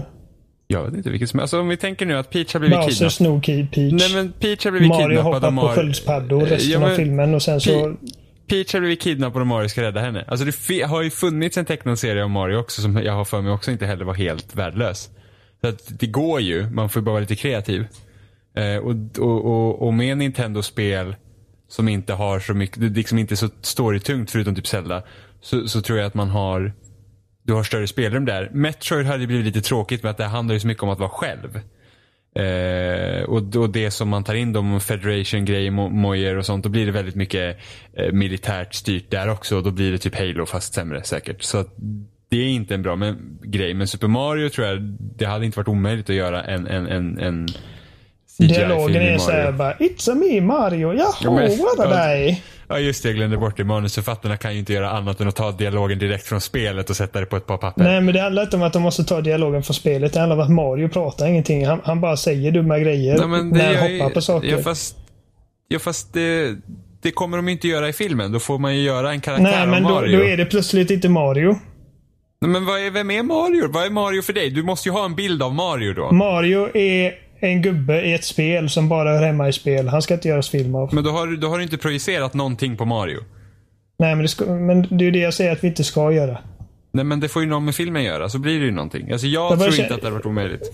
Alltså... Kolla här, kolla här. Folk kommer göra massor av filmer som jag inte tycker borde göras. Och det är okej okay för mig. Jag kommer bara inte se dem. Men, men... Alltså, du hade inte, om Pixar hade gjort en Super Mario-film så hade inte du gått och tittat på den? Nu, alltså, bara för att Pixar gör någonting så kommer inte jag gå och se den per automatik. Nej, jag kommer inte du, se Bilar 2 eller Bilar 3 för att de intresserar mig inte. Hade du gått och sett en Super Mario-film gjort av Pixar? Det var frågan. Nej. Ja, det hade jag lätt gjort. Det hade varit skitintressant att gå och se en sån film menar, kanske... Du såg Assassin's Creed? Ja, men det är också en, en serie som är bra mycket mer logiskt att göra på film på, eller? Du måste du ändå säga själv. Jag vet inte, alltså jag tror, jag tror att det är mer tacksamt att göra en film av Super Mario än Assassin's Creed. Du är inte klok i hela huvudet. Du är inte klok. Super Mario.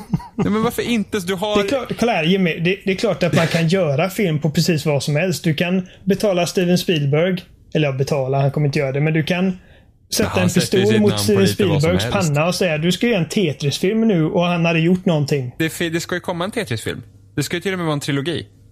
Ja, okej. Okay. Så kommer en film om emojis. Låter det bra eller? Jag har ingen aning. Nej, har du, har alltså, du gått och sett Angry Birds? Nej, men det är, nej, jag vill se den dock. Den är faktiskt helt okej. Okay. Ja. Det är bara, kolla. Jag, inte, jag förstår jag, inte jag, meningen jag, jag, jag hade inte betalt för, för, att se den på bio. Men, men alltså så här, så här, Super Mario har karaktärer och de har ju sina Alltså det finns ju personligheter i dem. Som man kan leka runt med. Alltså, du... Vad är Marios personlighet utom att han är typ orädd? Nej, han, är, han är en glad prick som... Han är hoppig. Ja, han är en glad prick som gillar Peach väldigt mycket och riskerar sitt liv för att rädda henne. Det räcker inte för att göra en bra film av det. Nej men, nej, men sen får man ju liksom vara... Sen får man ju utveckla den karaktären så det passar för ett film. Jag, jag, jag tror varför? jag ser inte... Varför, varför inte? göra någonting annat som, nej, men, som, som är liksom något liknande? Vad ska en man göra berättelse om en karaktär som ska rädda en prinsessa i en borg. Det behöver inte vara Mario. Jag tror att det hade varit en jättebra familjefilm. Jag, jag ser inte problemet med att göra en film av Super Mario. Ser du problemet med att göra film av någonting då? Men det... Finns det någonting som du säger bara, nej det där har inte funkat? Men jag sa ju det Metroid hade inte gjort sig bra på film till exempel. Jag håller med om Uncharted och Last of Us att det är liksom, det, det är väl lite tråkigt. Men Mario funkar. Ja men Mario funkar just för att det är inte så låst. Det är rätt så öppet och sen har du de här karaktärerna. Det finns ju personligheter där. Liksom, ta Luigi. Luigi har ju en större personlighet än Mario för att det, det gör sig ja. uttryck mer eftersom Super Mario är den klassiska protagonisten där man ska kunna projicera sig själv på honom. Men, men liksom, även Peach har ju, har ju sin personlighet och även Bowser har en personlighet. Så att det... Vad har Peach för personlighet? Men hon är glad och trevlig, gillar att baka. Blir fångad lite titt som tätt. Det är så små, små, små grejer. Men det är ingen liksom- personlighet, liksom... det är bara någonting som utsätts för henne. Jo men alltså, det, det, går att göra. Jag, jag, anser inte att det är omöjligt jag tror inte att det hade varit eh, ja, men Jag säger inte heller. uppenbarligen. Om du säger att det kommer tre Tetris-filmer. Så är det ja. helt uppenbart att det finns ingenting som har, vi inte kan göra. Jag har ingen aning om vad den där Tetris-filmen ska handla om. Det, det är bisarrt. Det är bisarrt. Det är ungefär som jag ska säga att ja, men vi gör en film om Ja, nu, jag kom, kom inte på ett värre exempel än Tetris. Men det är ju bara block. Jag försöker komma på något. Nu har vi hållit på jävligt länge här. Ja, men det är ett intressant ämne för att det... Jag vet inte. Jag bara, jag bara känner väldigt starkt för allt det här. För att det... Jag känner att man, man respekterar inte grundmaterialet. Ungefär som liksom när man säger att man ska göra en film av The Last of Us. Så det, det det säger mig i första hand är att man respekterar inte The Last of Us som sin egen grej. Som att, okej, okay, den, den historien är berättad i spel, men nu ska vi göra den på riktigt, för nu är det film.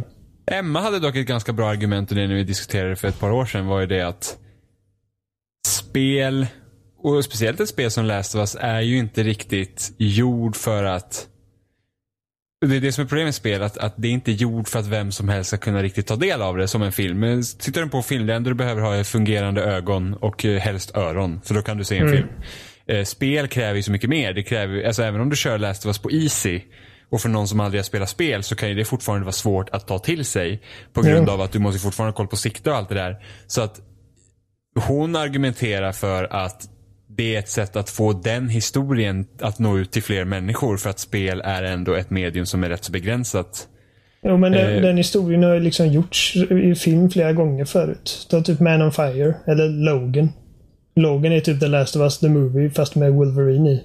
Jo fast det är, det är, inte, det är inte riktigt samma. Jag tycker nog Last of Us är bättre än Logan alltså. alltså. Nu vet jag att jag sitter här och är naiv och cynisk på samma gång. Hur man nu är det. Men jag bara känner att om du frågar mig.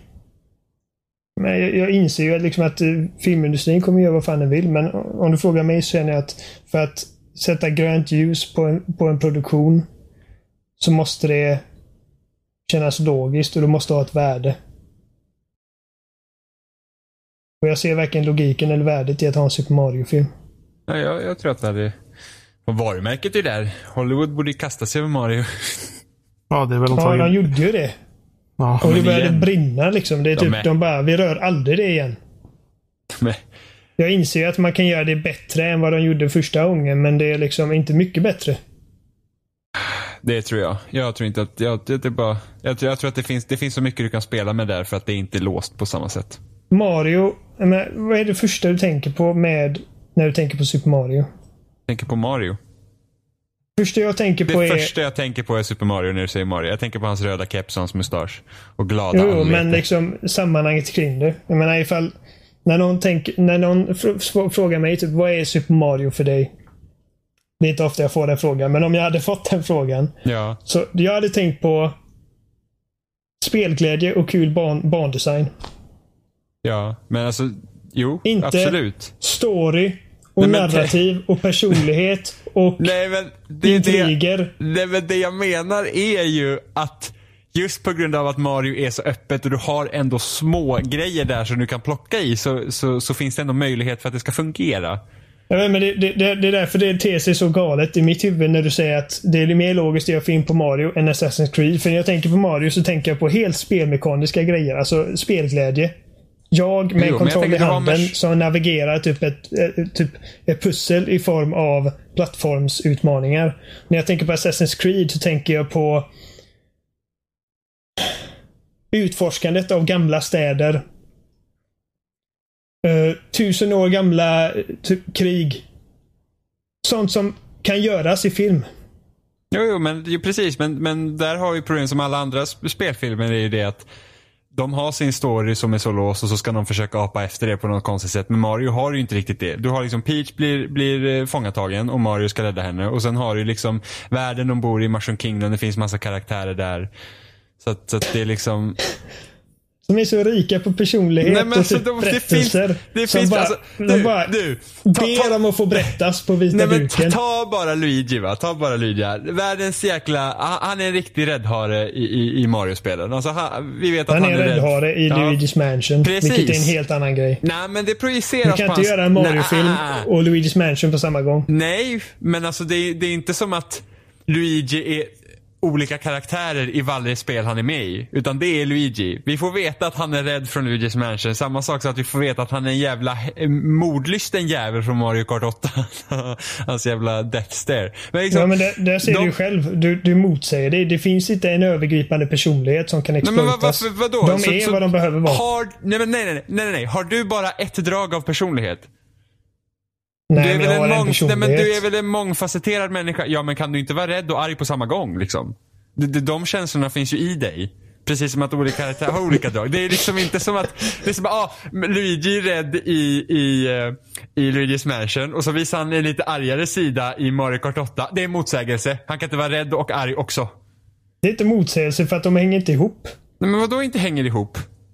Varför kan Ifall- han inte, han måste ju kunna vara... Mario Kart är ju knappast canon. Nej! I The klart- Mushroom Kingdom. Klart som att de, fan de, att det är de, kör runt på, de kör runt på uh, fucking F-Zero-banor i nyaste DLC. Ja men det är ju Och Nintendo Link Cinematic... med också. Nej men det är ju Nintendos uni universe. Det är ju liksom många dimensioner som hänger ihop där. Mm. Obviously. Jesus Christ Oliver, att du inte vet det här. Alltså, du säger liksom att typ, grejer som Assassin's Creed är så låsta till sin handling, men, Nej, men alltså det, det, är det ju bli, inte. Nej men det kan bli en begränsning när de I gör fall- filmen. Ja, men i så fall hade de inte kunnat göra mer spel efter Assassin's Creed 3, för då var den berättelsen slut. Nej men det är inte så jag menar. Det är liksom... Det som gjorde Black Flag bra var att det var något nytt i den serien. Ja och du sa att det inte skulle gå att göra ett piratspel av Assassin's Creed. Eh, Jag sa det efter trean, jag sa så här. De borde fan göra ett piratspel med den här mekaniken. Du bara nej. Hur kul är det att åka på vatten? Bla bla bla. så det. Ja, det sa du. Du bara, jag ser inte hur det ska kunna fungera. Vi fick Black Flag asbra. De väntar bara Jo, när men- Pixar gör Super Mario-film och Ja, den kommer det, äga sa jag röv. Men alltså, jag sa, jag sa också... Nu minns jag. Ja, det sa jag faktiskt. Men to be fair så... Det var ju inte ett bra Assassin's Creed-spel. Det är ju det näst bästa Assassin's Creed-spelet. Jag vet. Men det är för att det är ett piratspel. Ja, men jag ville så ju inte fort det var ha... assass- en Ja. jävla assassin på marken Ja. så var det värdelöst. Ja, men jag ville heller inte ha ett Assassin's Creed-spel i piratmiljö. Jag ville ha ett piratspel. jag Okej, fick ju de ja, bra ja. delarna. Och, nu har nu är typ, dig. min, Nu och nu är min typ största dröm i spelvärlden är att få ett Rockstar-piratspel. Ja, precis. Jag hade inte förvånat mig när jag sa att om jag hade sagt att jag ville ha ett cowboyspel innan Red Dead Redemption. Då hade det bara, va? Hur hade man gjort det? Öken och hästar överallt. Men kolla, det är klart man kan göra film om Mario. Ja. Och jag tror att det är en fördel till att det är så öppet som det är. Därför är det inte låst till någonting. Och då tror jag att det är lättare om man vill göra ett Mario-spel. Bara man har liksom åtminstone att Peach ska bli räddad. Ja, men exempel. sen är det också... Vi får, Där har du ju konflikten. Ja, men sen så är det också så att om det är någonting, man gör en Mario-film och så är det liksom, det är liksom inte alls som spelen och grejer. Då är det liksom, okej, men då är det inte Mario längre och då, då Klart blir det det- dåligt. Men klart det är Mario. Det, så det, vad, vad förväntar du sig en plattformsbana i Mario? I filmen? liksom är det... Ja, men det är det som är Mario. Nej men, ja men det behöver inte vara det i filmen. Då får man hitta på en story om Mario. Jag, jag Nej, men det, är behöver- det, det är det jag säger här nu va. ja, men, Mario är Mario är plattformsutmaningar. Jag hade älskat att se en Varför Mario-film. ändra vad Super Mario är bara för, bara av den simpla anledningen. Ingen annan anledning än att göra film om Mario. Ja, men jag tycker Mario är mycket mer än bara plattformsmomenten. Jag, Mushroom Kingdom finns där. De har grejer att plocka på. Jag, jag, tycker, jag tycker att det ska fungera och När borde var det fungera. senast du tog del av en intressant berättelse som utspelar sig i Mushroom Kingdom som du vill se realisera på... eh, Eh, Alltså jag sitter ju och biter på naglarna varje gång jag spelar ett Mario-spel. Liksom, ska man rädda Peach den här gången eller inte? Nej, det gör du inte. Jo, det gör jag. Ja. Och Bowser är lika otäck varje gång. Och så har han nya så här kompanjoner hela tiden. Det är jätte, otroligt spännande. Jag sitter och svettas. Jag tror, jag tror vi får börja runda av innan Det Oliver bara- alltså, kolla, alltså, ifall det kommer en Super Mario-film så visst. Jag hoppas att den blir så bra den bara kan. Jag hoppas att det är fucking Citizen Kane. Men, hade- Men- en, eh, de gjorde en Angry Birds-film. En, en, en, ett spel där det handlar om att skjuta fåglar på grisar. Ja. Ja, för att, karaktär, för att de olika fåglarna som finns i Angry Birds har också personligheter knutna till sig. Det är, men Och det är grejen är tillräckligt Angry öppet för att Birds- hitta en grej. Filmen, jag har inte sett den, men jag har sett trailern. Älskar Det handlar inte någonting om att slunga iväg fåglar på grisar. Exakt, för att det enda, behövs ja, men inte. enda anledningen till att den filmen existerar är för att varumärket har ett värde. Ja, ja, och sen så har de ju också... Varför? Du, du, är du verkligen en sån tråkig kostymnisse som bara ser värde i en, i en visuell grej? Nej, Satt men i, en samtidigt... helt annat, Nej, i ett helt annat sammanhang som inte har någonting med spelet att göra. Varför Nej. inte satsa din budget på en film som har ett värde? Ja, men vilket, Bara vilket, i berättelsen. Ja men vilket spel har det då? då? Då ska vi bara liksom göra filmer med samma berättelse som vi redan spelar. Då är vi inne på samma problem som vi tog upp i början om Uncharted och Last of Us. Nej. Jo, så det ska vi finns inte... vi tar typ Bioshock. Det finns berättelser där men som är värda ja, att men, berätta. ja men Bioshock kan man göra det på. Precis, man kan göra en berättelse i det universumet. Det är fine. Det kan bli jättebra. Men jag ser ju inte varför man inte skulle kunna göra en Super Mario-film också. Jag säger inte att man inte kan. Nej, Man kan. men- Ja, och Ja, det kan bli bra. Som sagt, Tetris är på väg. Du kan göra Ja precis men, vad ja, som men helst. Tetris-filmen kommer för fan. Du, apropå dåliga... det. Dålig... Åh gud. Tetris-filmen blir den mest känslosamma berättelsen någonsin. Jävlar, jag kände för L-blocket alltså. Huh. Ja, jag kände Ja, så jävla mycket för den jävla rörmokaren som hoppar på skaldjur. Det Och- går! Jag, typ- jag, jag tror att du låser dig fast för mycket vid att du vill att det ska vara någon typ plattformsäventyr i filmmiljö. Okej, eh, det blir så himla kul att se den röd, rödklädda rörmokaren köra go-karts. Ja, det- Eller det, jag tänker köra inte... ett brädspel med små minispel mellan varje eh, runda. Nej, jag tänker Eller inte spela att det, golf. det ska inte bli någon dark and gritty Super Mario här med typ så här, åh, den avdankade rörmokaren från Brooklyn. Utan det ska vara en glad, trevlig Det jag, familjefilm som det utspelar jag sig i Mushroom visualiserar Kingdom. är liksom en Mario-mellansekvens. I en och en halv timme. Ja, men jag vet inte varför du är så begränsad i ditt synsätt här. Jag ser jättemycket idéer för Super Mario. Hur man hade kunnat göra det. Fy, fy fan. Alltså. åh. Jag är glad att inte du gör film. Jag är glad att du inte gör film. Din Super Mario-film hade ju absolut inte blivit bra. Du bara, jag Nej, ser jag hade Mario inte ens gjort en. Super Mario-film. Nej, du inte, du verkar inte Jag vara hade kapabel fokuserat till på det. mer intressanta grejer som är Ja, mer men- logiska att göra. Jag vill ha en trevlig Super Mario familjefilm. Det hade jag blivit glad av att se. Herregud, man lyckas göra en film om fiskar i, ett vatt, i vatten. Va? Hitta Nemo. Tänker du på Hitta Nemo? Ja. det, är fan- inte, det är inte ens lite samma sak. Ja, som det att göra sant. film av Super Mario. Ja, men det, jag säger inte att det skulle till och med vara mycket lättare. Hitta Nemo är inte baserat på Aquarium the Video Game. Nej, men det är Det liksom du, började som en berättelse. Ja, men du kan göra Som är värd att berätta. Men Och sen varför så var de fiskar plötsligt. Varför skulle du inte kunna göra en berättelse om Mario som också är värd att berätta? För att Mario är redan en grej. Det behöver inte vara en annan grej. Nej, men varför, Varför ska vi vi då... inte fokusera... Varför... Nej, men för- varför, varför ska vi då göra ens film med spel? För de har ju redan sin grej. Ja, men jag, jag, vill inte se, en- jag vill inte se en film som handlar om Jack i Bioshock. Det är det jag säger. Jag vill inte se spelets berättelse återberättas. Men vi behöver inte göra... Vi kan väl strunta i att rädda Peach då i Mario-filmer och göra något annat istället. här, jag är helt övertygad om att de hade kunnat göra en Mario-film som inte är helt horribel. Jag, Ja, bara, jag blir bara fan- provocerad av att du är så hårt advocating för just Mario. När vi Ja. pratar om vad vi tycker borde göras film av på vilka serier. Ja, men varför inte Mario? Jag, alltså, jag ser... I have a dream. Varför inte Tetris? Nej, men, te, men Tetris måste ju ändå Nej. säga sig självt. Nej. Va, vad ska du göra med block? Vad ska du göra med Mario? Men Mario är ju en karaktär! Det finns inga karaktärer i Tetris. Det är block som faller från luften. Mario är typ en visuell representation av någonting som hoppar på saker. Nej! Han har ingen dialog. Nej men det har, Han pratar inte med någon. det har ju inte Tetris-blocken heller. Nej, de ligger på samma nivå ungefär. Det gör Tetris-blocken helst också. Nej, det gör de inte. Det är så här, det, det funkar, alltså, titta här. Det har funnits en Sonic-tv-serie, för Sonic har också karaktärer. Och det var innan de hade dialog i sina spel. Ja, det, det är en sak som existerar, men det är inte direkt någonting som vi bara Åh, det där var en jävligt bra serie. Fy fan. Vi Ja. pratar om Sonic-serien bara för att Ja, den finns. Och den var inte det sämsta som hände den mänskligheten efter jag sen The jag fucking gillade- Holocaust. Jag, jag gillade Sonic-serien när jag var liten. Ja, men... Ja, men det Ja, är men- en tecken på kvalitet nu. Jo då, det, jag var väldigt, eh, väldigt begränsad i mitt tyckande när jag var liten. Jag var jag väldigt gillade massa skit när jag var liten. Jag Det gillade... gör- Jag har, jag har hört barn som äter sniglar när de är små. Betyder Men, det att jo, men, är Johan, goda? men Johan, du måste, ju, du måste ju också tycka att det är inte helt omöjligt att göra en film av Super Hade inte du gått och sett Pixars det, Super Mario? Det är inte omöjligt. Men Nej, det frågan är om man borde göra det. Nej, det men är du redan gjort. inte- Det Nej, är men- redan gjort. Du Vi kan vet inte- att det inte är omöjligt. Filmen existerar. Ja, men det är ju en jävla skitfilm. Det är liksom...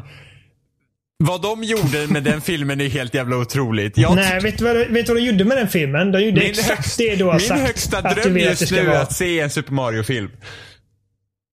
Ja, en bra Super Mario-film av Pixar. Jag, Jag hoppas att din dröm aldrig går upp. Det de gjorde med den första Super Mario-filmen var att göra inte? precis vad du säger att de ska göra. Bara, nej, Nej, men han nej. behöver inte vara exakt som spelet. Nej, Nej, okej, nej. sätt dig i New York då för fan. nej, nej. Super Mario-filmen från var 89 eller vad det nu är. Det kändes som ett dåligt lajvande helt enkelt. Har du sett den Bowsen eller? Det, det är någon här hemmasnickrad dräkt. Ja, men du säger, det, di- ditt svar på allting orimligt är varför inte? Så varför inte göra den eldsprutande sköldpaddsdraken till fucking... Eh, vad är det han heter? Dennis Hopper. Varför men- inte?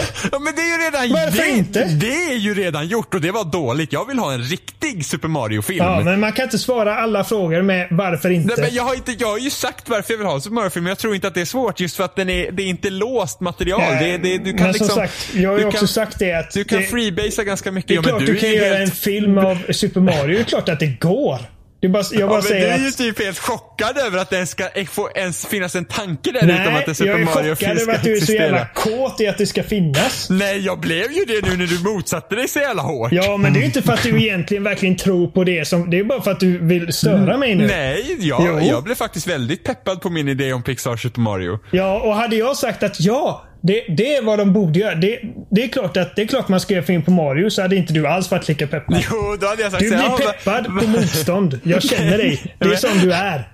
Då hade jag sagt så här, men varför, varför, varför tycker du det Oliver? Det låter ju trevligt.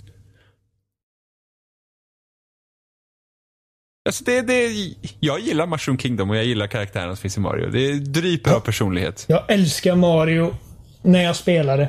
Ja, men jag, jag är inte begränsad till Jag har spelandet aldrig någonsin tittat, spelat ett Mario-spel och tänkte jävlar, jag vill ha två timmar mellansekvens. Ja, men, Där det- Mario typ springer från ena änden av skärmen till men andra. Du får ju tänka mer än spelet. Mar- Det är det. Ja, Men släng, släng en halvtimme med tungt drama också. där Man ser Ja. Mario agera. Nej, för fan Men det, det ska vara en lättsam familjefilm. Om kärlek och äventyr.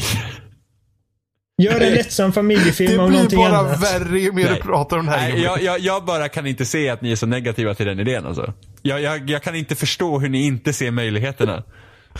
Ja, jag, jag tror vi börjar runda av den här. Jag vill göra Mario Allt. Party the Movie. En mer logisk nytt- grej att eh, göra film av hade varit Ratchet och Clank. Som man gjorde. Där har vi karaktärer. Med utstakade personligheter och ambitioner. De lever i en värld som inte bara handlar om att hoppa på Ja, saker. men där gjorde de ju om typ första spelets story. Det var ju problemet. Storyn suger. Mario, Ja, är inte men- så, Mario är inte ens lika låst som det. Det handlar ju bara om att rädda Peach. Och sen kan och, man det göra vill massa du, och det vill du se återberättat i en film. Nej men man får ju, det, det, är, det har ju premissen. Precis som Uncharted hade en premiss. De ville göra skatt, de ville göra Indiana Jones the movie. Och ska man säga då, vadå? Ska vi vara Indiana Jones och springa och skjuta nazister? Det funkar i och för sig. Men det är liksom, Det är klart att det kan göras. ja. Och jag vill se det också. Och det kan säkert göras utan att det blir liksom det sämsta som någonsin hänt mänskligheten. Jag tror att det kan bli riktigt bra också. Men jag förstår bara inte liksom varför man hellre fokuserar på att göra något sånt än bokstavligen vad som helst annat. Fast det ena utesluter inte det andra. Det finns väl inte en studio i Hollywood som heter Hollywood och så bara, ja men nu gör vi Mario, droppa pressarna. Vi gör Nej. inget annat än Mario nu för Jim har sagt det. Det finns Det inget klart. annat. Nu gör vi Mario. Jag bara...